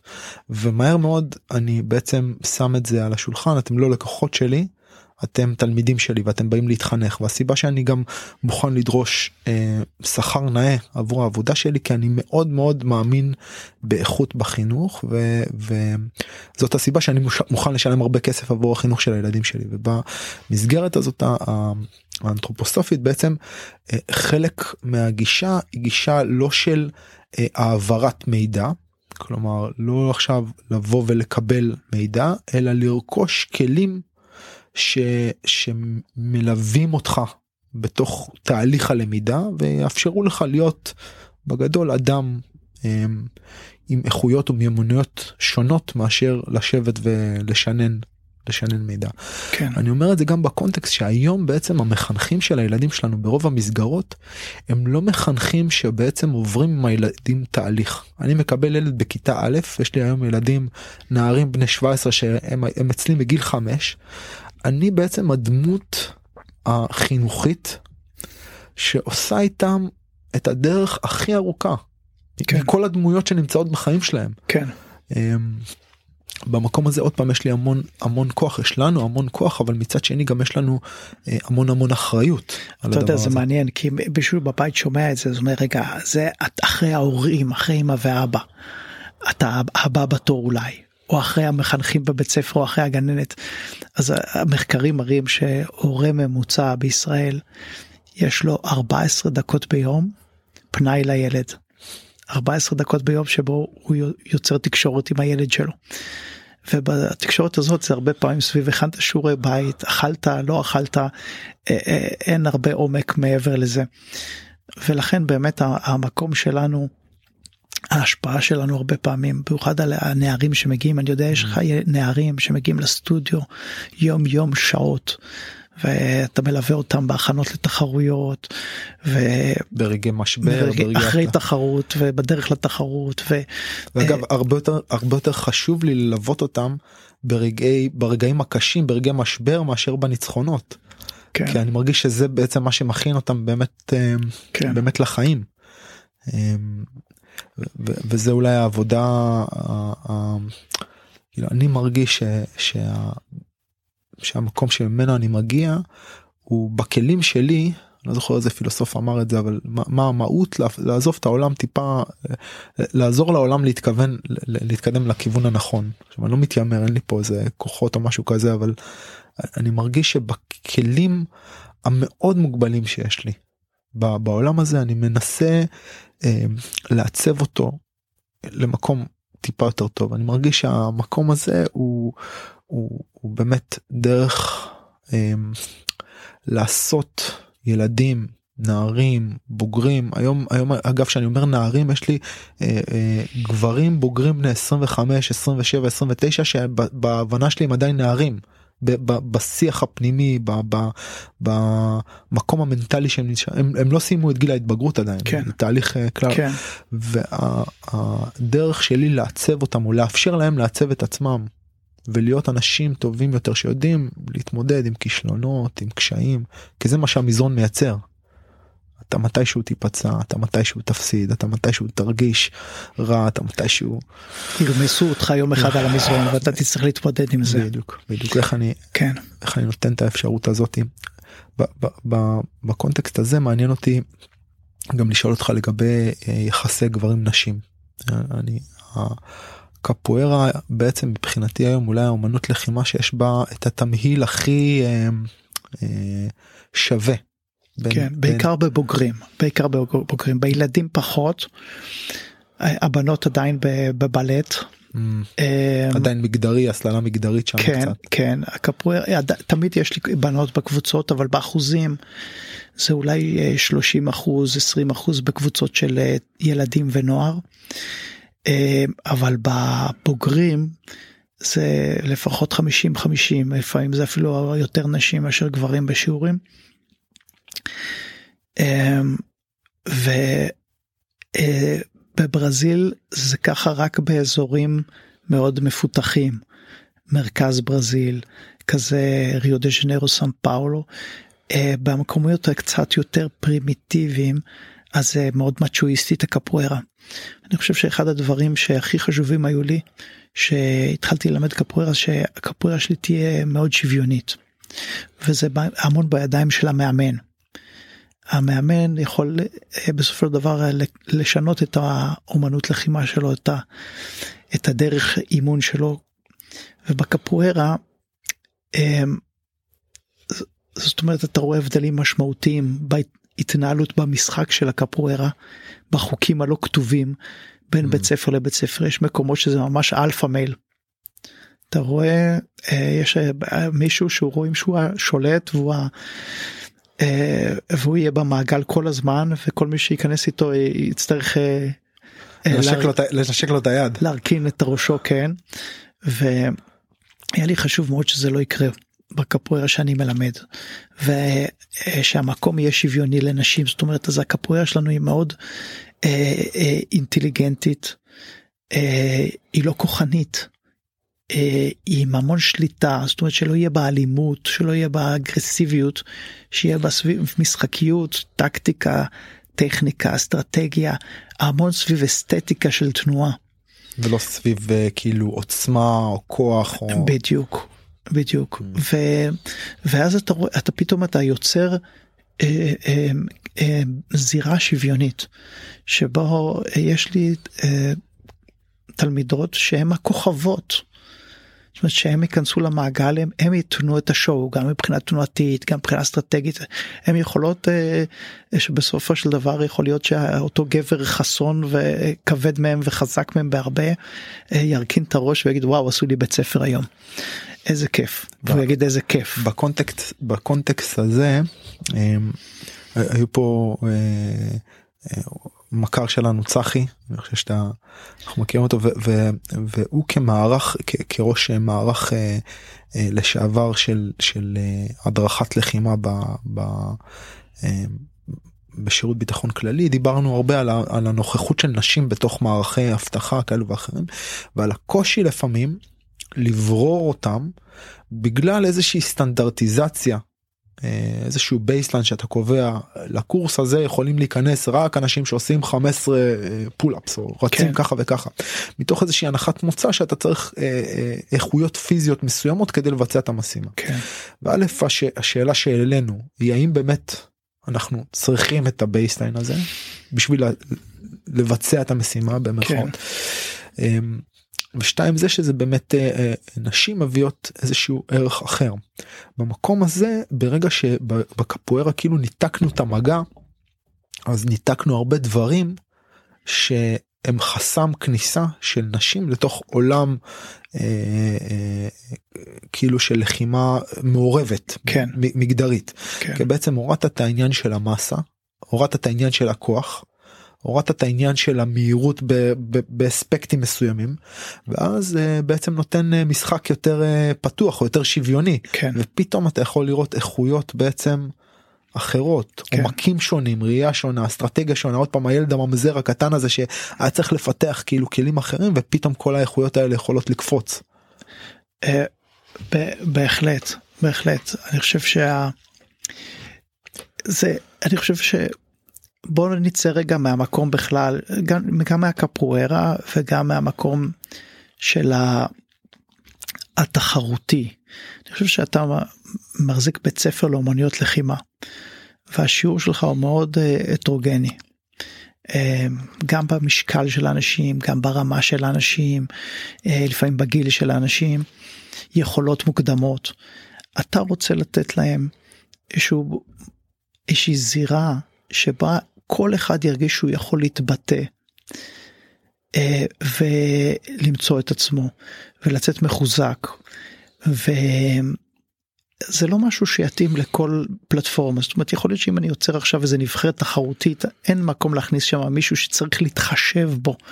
אוקיי עכשיו זה, אה, זה מזכיר לי ששאלתי את, אה, את רויס גרייסי איך אתה משלב את המתחרים עם, עם החובבנים אז הוא אמר לי אחד לא יודע על הקיום של השני.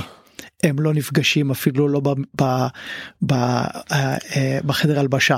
זאת אומרת זה משהו אחר לגמרי. חיה אחרת. חיה אחרת לגמרי זה, זה שיעור אחר לגמרי אווירה אחרת לגמרי ואנחנו מנהלים בטס, עוד פעם במקום שבו אנחנו מחנכים ו, ו, ו, ומגנים על התלמידים שלנו ומעבירים אותם בתהליך ארוך. אז באמת אנחנו צריכים ליצור לא משנה איזה אמנות לחימה זאת בחוגים אנחנו צריכים ליצור להם אה, את, ה, את הפלטפורמה הזאת שכל אחד יוכל להתבטא עם כל עם תלמיד אחר ולהרגיש שהוא יכול להצליח. זאת אומרת גם אותה בחורה שנכנסת עכשיו עם גבר שכבד ממנה ב-20 קילו הוא צריך ללמוד לצמצם את עצמו מבחינת הכוח ולאתגר את עצמו בדברים אחרים. במקום של המשחקיות במקום של המהלכים כלומר הנוכחות שלה בעצם מפתחת גם אותו כי הוא צריך לדגום את הדבר הזה מזווית אחרת שהוא לא רגיל. ממש ככה וזה לא כל כך פשוט כמו שזה זה לא כל כך פשוט זאת אומרת אז בקפוארה לפני שאתה מתחיל לשחק זה דורש ממך שליטה ברמה מאוד גבוהה בגוף. אחרת אתה תפגע בלי כוונה אפילו. אני חושב שאותו דבר נגיד באגרוף לפני שאני ניתן למישהו לעשות sparring אני רוצה שילמד מה זה skin touch רק לגעת. ולפעמים בג'ו ג'יצו חסר לנו את זה שב grappling ממהרים להשתמש בכוח שמה אה, אה, אני עוד פעם זה משהו שאני עוד קטונתי בשביל לחקור אותו לעומק אבל אה, זה משהו שהוא מאוד ברור באומנויות לחימה של ה striking שאתה כדי לשחק שנוכל לשחק ביחד קודם אנחנו צריכים ללמוד את השליטה. ולצערי הרבה פעמים אני רואה בית ספר לג'ו ג'יצו ועוד פעם אם אני שם בית ספר תחרותי הכל בסדר המטרה תחרותי בו לפעמים אתה אומר חבר'ה היום זה החזק שורד כי אנחנו ברזל משפש... אה, משחיז ברזל.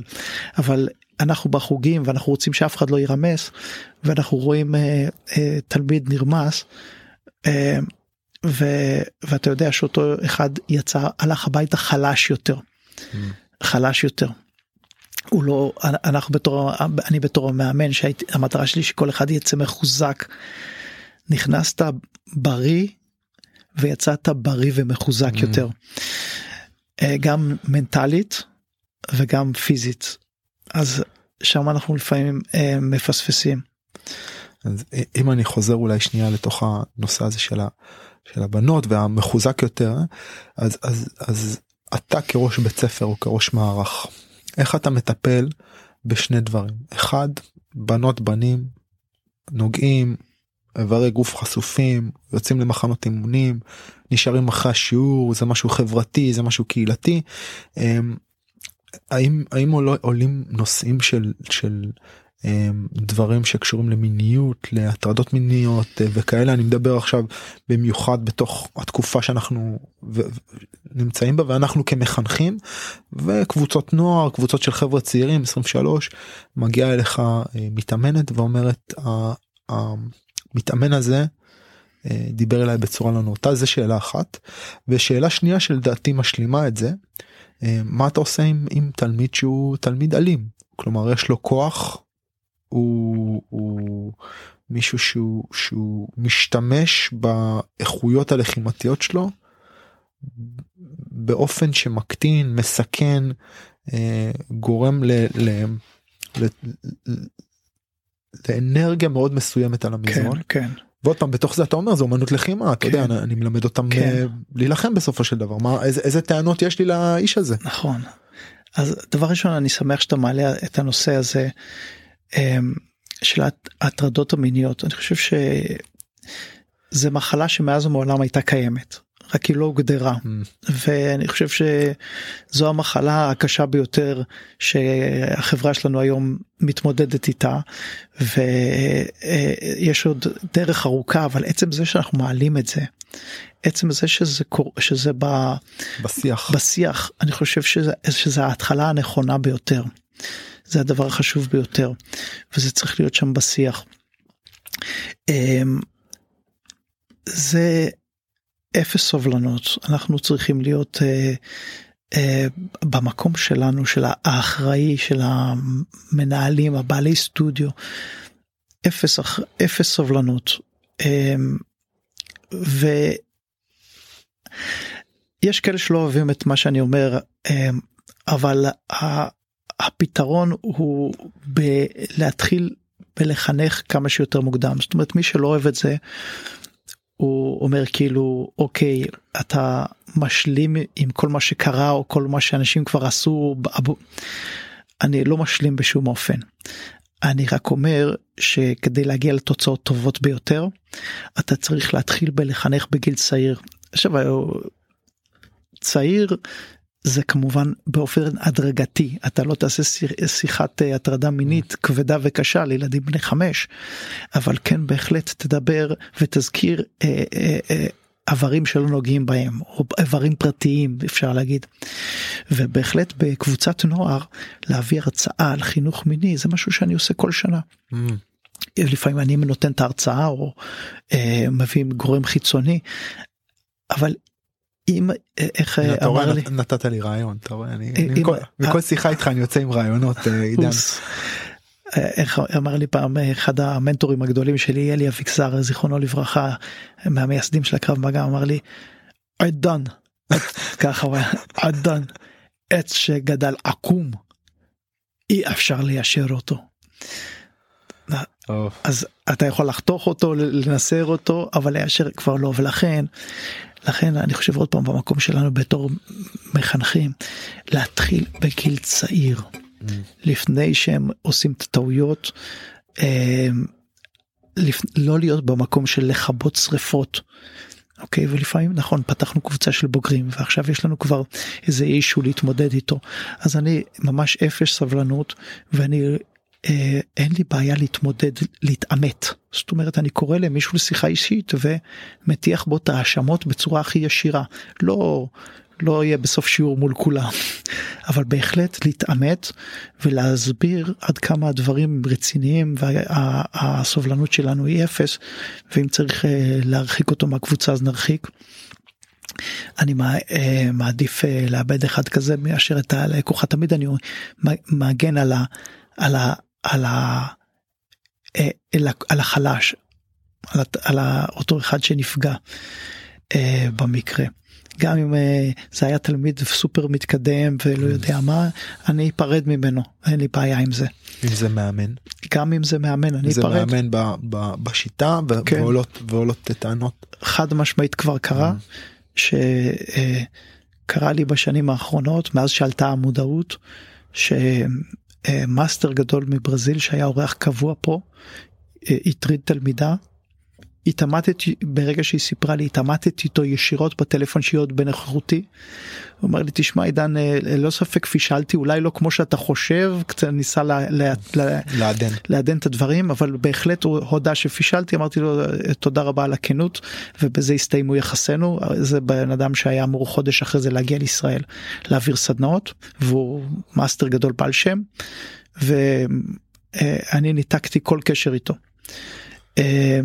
אגב אני בקונטקסט הזה אה, נגיד מאוד חשוב לי גם אם אה, הכמות היחסית של הבנות בקבוצה ילדות היא אה, לא יודע מה בין 10 ל-20 אחוז חשוב לי שהזמן שהם יקבלו למשל כמדגימות יהיה יותר גבוה מהערך היחסי שלהם בקבוצה ויותר קשור לערך שאני לערך שאני חושב שצריך להיות בקבוצה. כלומר אני אנסה להדגים 50% מהזמן עם בנות עם ילדות א' כהעצמה כן בהחלט ב' כבעצם אה, אמירה אה, שהיא לא בגילאים האלה האמירה היא לא אמירה ב, ב, במילים שלנו היא אמירה במעשים היא אמירה במי שאנחנו בהוויה שלנו וככזה אני רוצה שילדים יראו מגיל מאוד צעיר את המקום אתה שם אותה במקום יש לה מקום ש, לכולם יש מקום בהחלט. לכולם יש מקום מי בהחלט. שמדגים זה לא הכי טוב גם כן. הכי טוב אבל מי שמדגים זה א', מי שמשתדל, מי שמדגים זה מי שמתאמץ,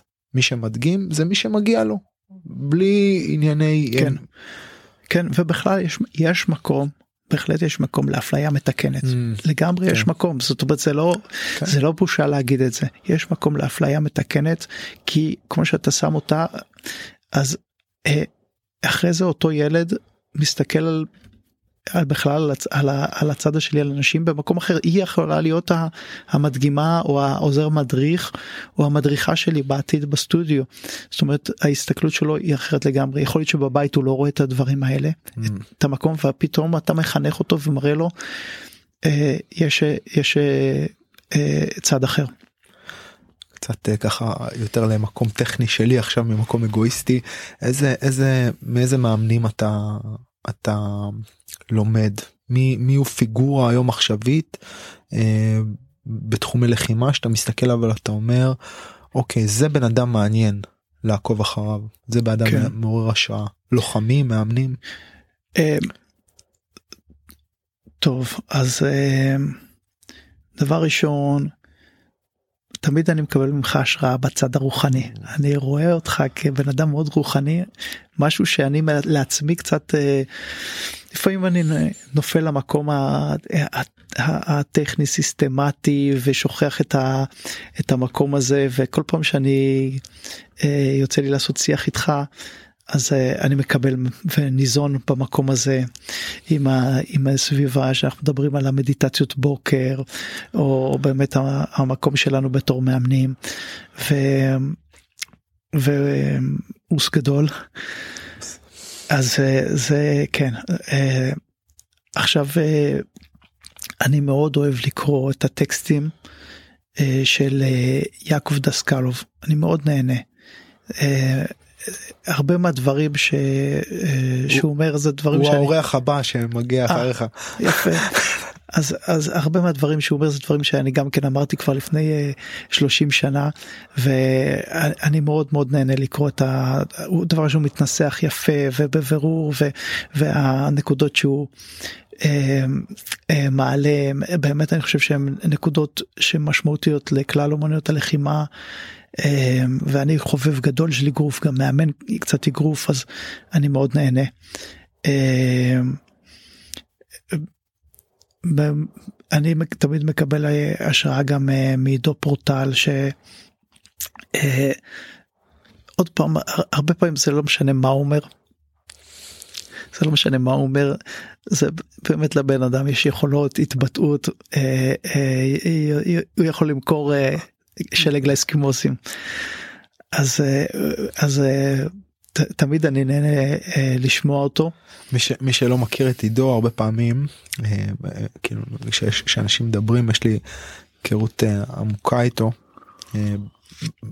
מהשטח מעבודה משותפת מפיתוח משותף מחקירה. אה, עידו הוא, הוא, הוא אחד ה... אתה יודע הרבה אנשים אומרים לי הוא כאילו כן הוא מדבר יפה והוא, והוא עושה או שהוא כישרוני ועידו הוא אחד ה...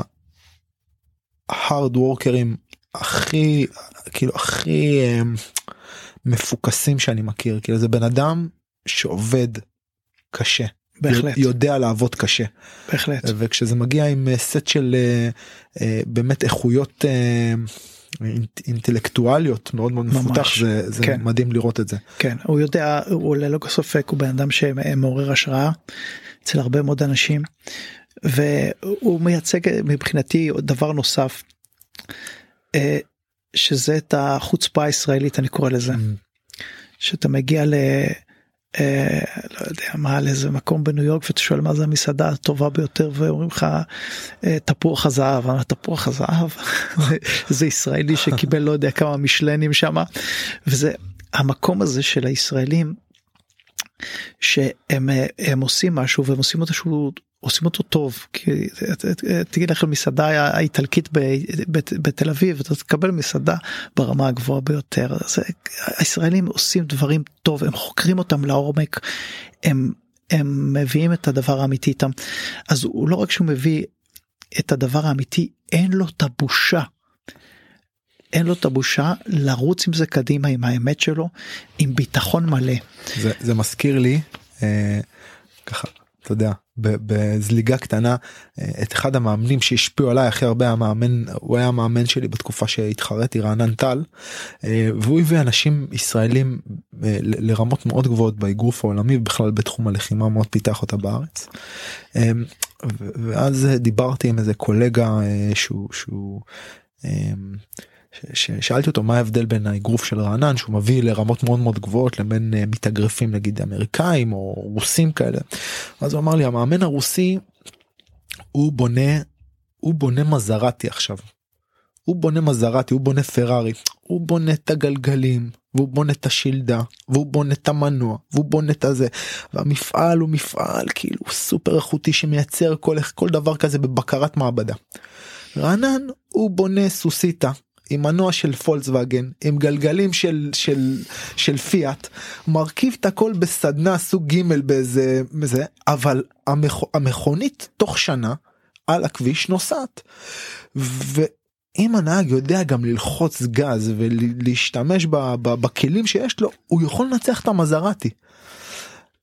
היא מתפרקת הרבה פעמים. זה הסיפור עם, עם רעננה זה המקום שאני הפסקתי להילחם בו כשראיתי שאנשים פשוט מתחילים להתפרק. כן. כי כולנו עם רוח לחימה כולנו היינו בקרבי כולנו היינו בצבא כולנו רגילים מאוד לזה שדוחפים אותנו קדימה ואתה אומר אוקיי אני נוסע בכל הכוח ואז פתאום אתה מסתכל הצידה ואתה רואה שברגים עפים לך מהמכונית. אמ, אבל בקשר אומרים לך תשים גז כל הכוח אז אתה שם גז. כן. אה, אני במקום הזה זה היה מקום שהתחלתי כבר למדתי הייתי אדם שהוא, שהוא עושה איזשהו דרך לתוך ההשכלה שלו וקלטתי שזה שיש פה איזה דיסוננס. זה לא חברים שלי נכנסו לקומות בבתי חולים מקרבות אגרוף ואני אמרתי אוקיי. זה זה זה משחק מסוכן. כן כן כן. אה, זה מזכיר לי שהמאמן אגרוף שלי היה אומר מה ההבדל בין בין אה, אה, עוד פעם אה, מאמן רוסי למאמן אמריקאי אז הוא אומר מאמן רוסי מקבל 30 אה, ילדים ואחרי 10 שנים יוצאים לך 30 מתאגרפים טובים. מאמן אמריקאי מכניס 30 אחרי כמה אחרי 10 שנים נשאר לו אלוף עולם אחד. אז הרבה דיסציפלינה. כן הרבה אחד בונה באמת אה, עושה תוכנית שיכולה לאמן את כל אחד יכול להגיע לרמה והוא כל אחד הוא יוכיח שהשיטתיות שלו היא באמת תביא את התוצאות זה השיטתיות הרוסית והאמריקאי לא מעניין אותו השיטה הוא מחפש את הכישרון את האינדיבידואל את האינדיבידואל והוא ילך לפי עם הכישרון שלו הוא יתאים את השיטה לכישרון של, ה, של אותו אחד. זאת אומרת השיטה היא גמישה זה לא אותה שיטה לכולם. כן. והישראלי יאלתר אנחנו נאלתר את עצמנו. אה, בעולם בעולם איזה מאמנים אתה אתה מסתכל עליהם בתחומי הלחימה ואתה יכול להגיד אוקיי הבן אדם הזה יש שם מאגר של ידע.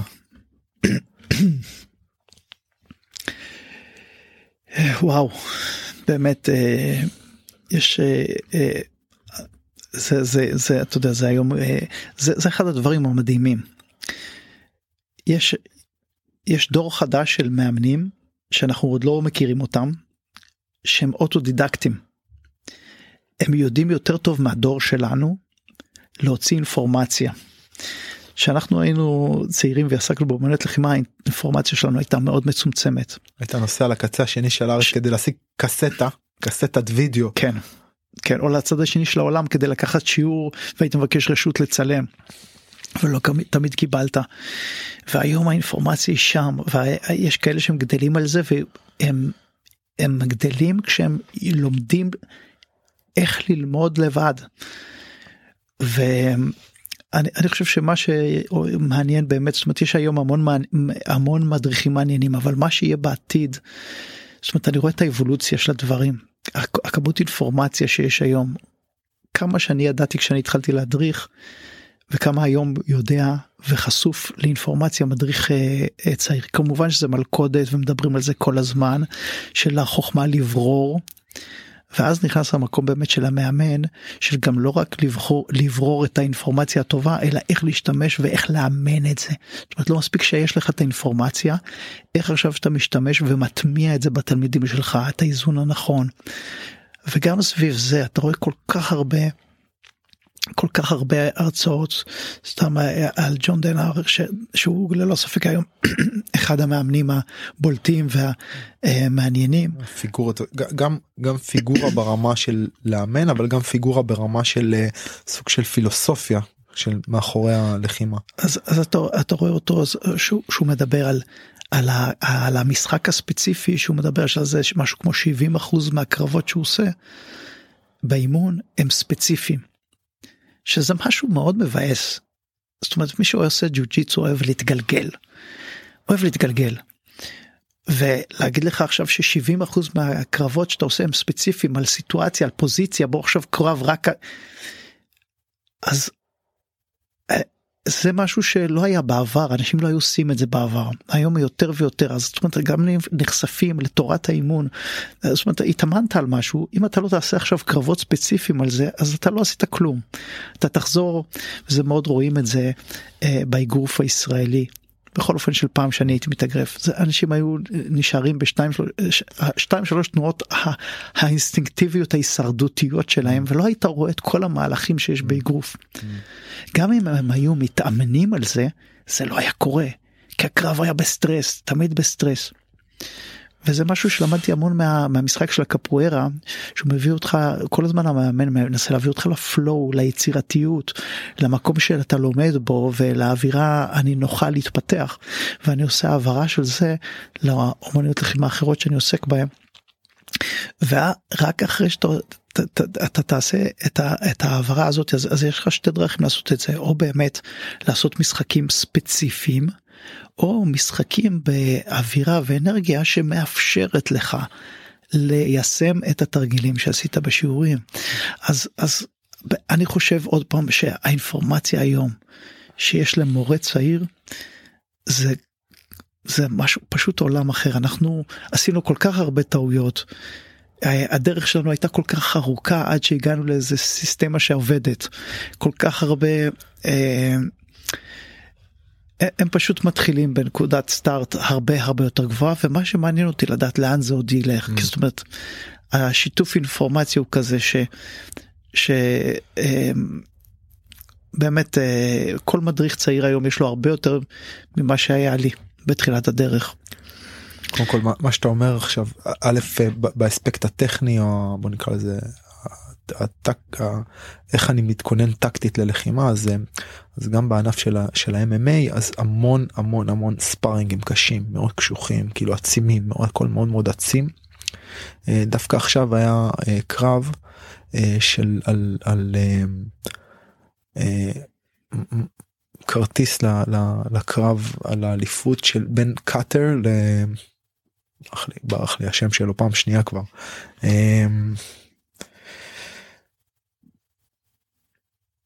לוחם מהוואי. מקס אלווי תודה רבה בין קאטר למקס אלווי.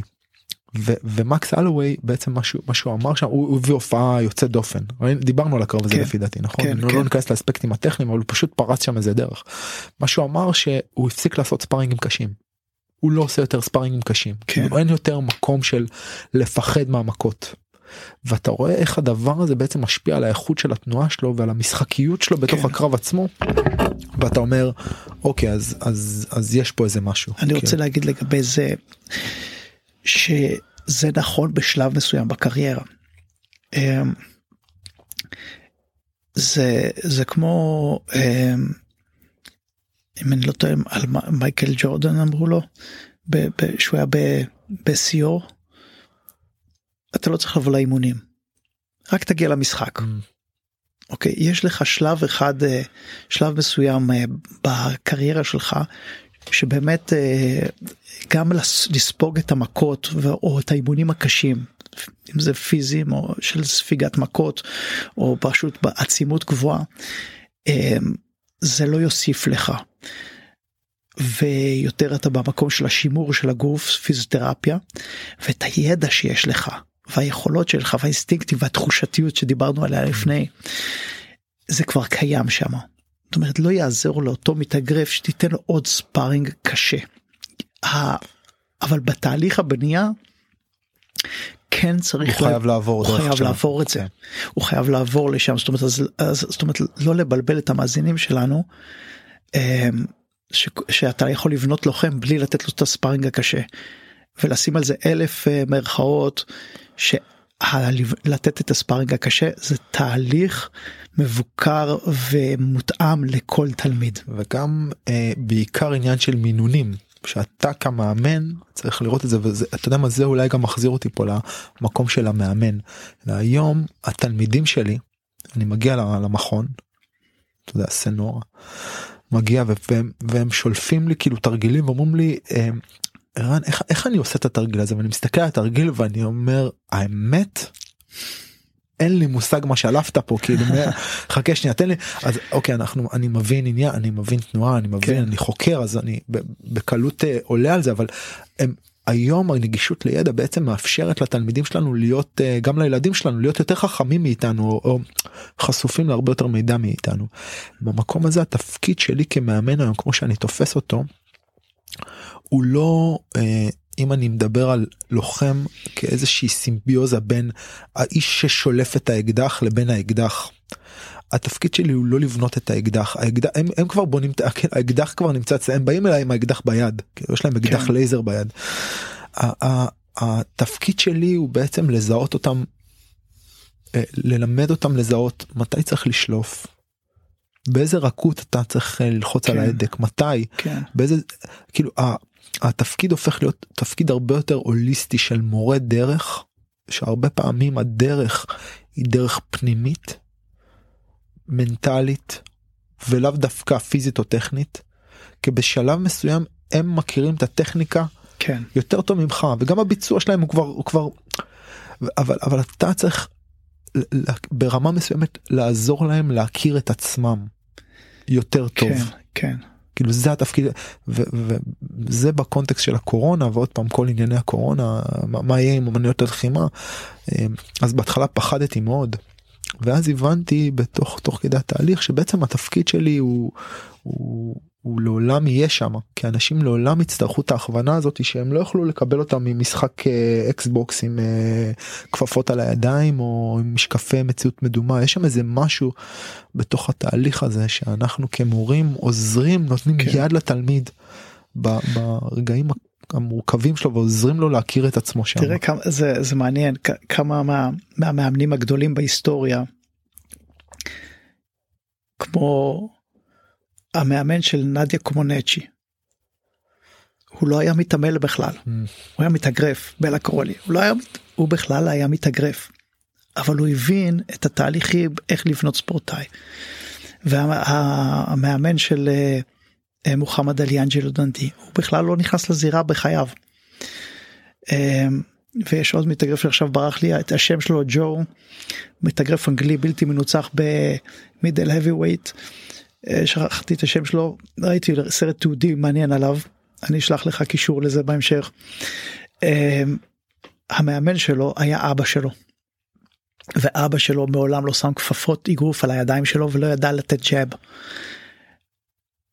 הוא היה מוזיקאי. Mm.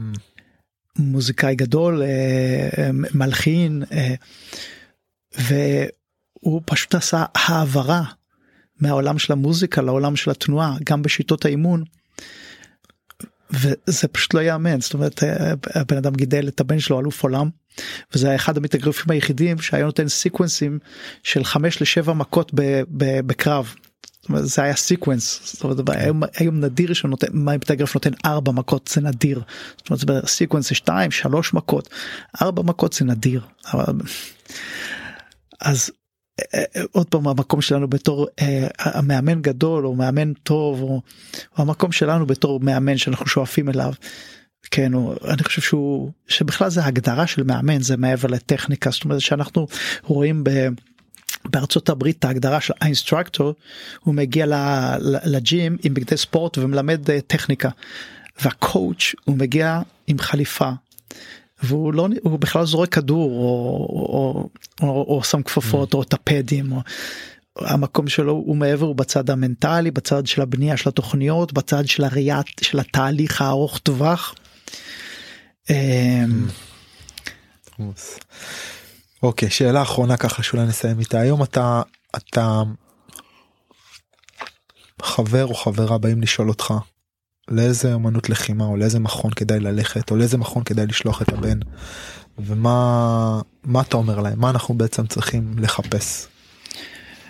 אוקיי אמ, אז ברור שאני שבוי של הקפוארה כן אבל אמ, אני אני מחפש אה, אני מחפש בגילאים הצעירים אוקיי נתחיל מההתחלה דבר ראשון שב בשיעור.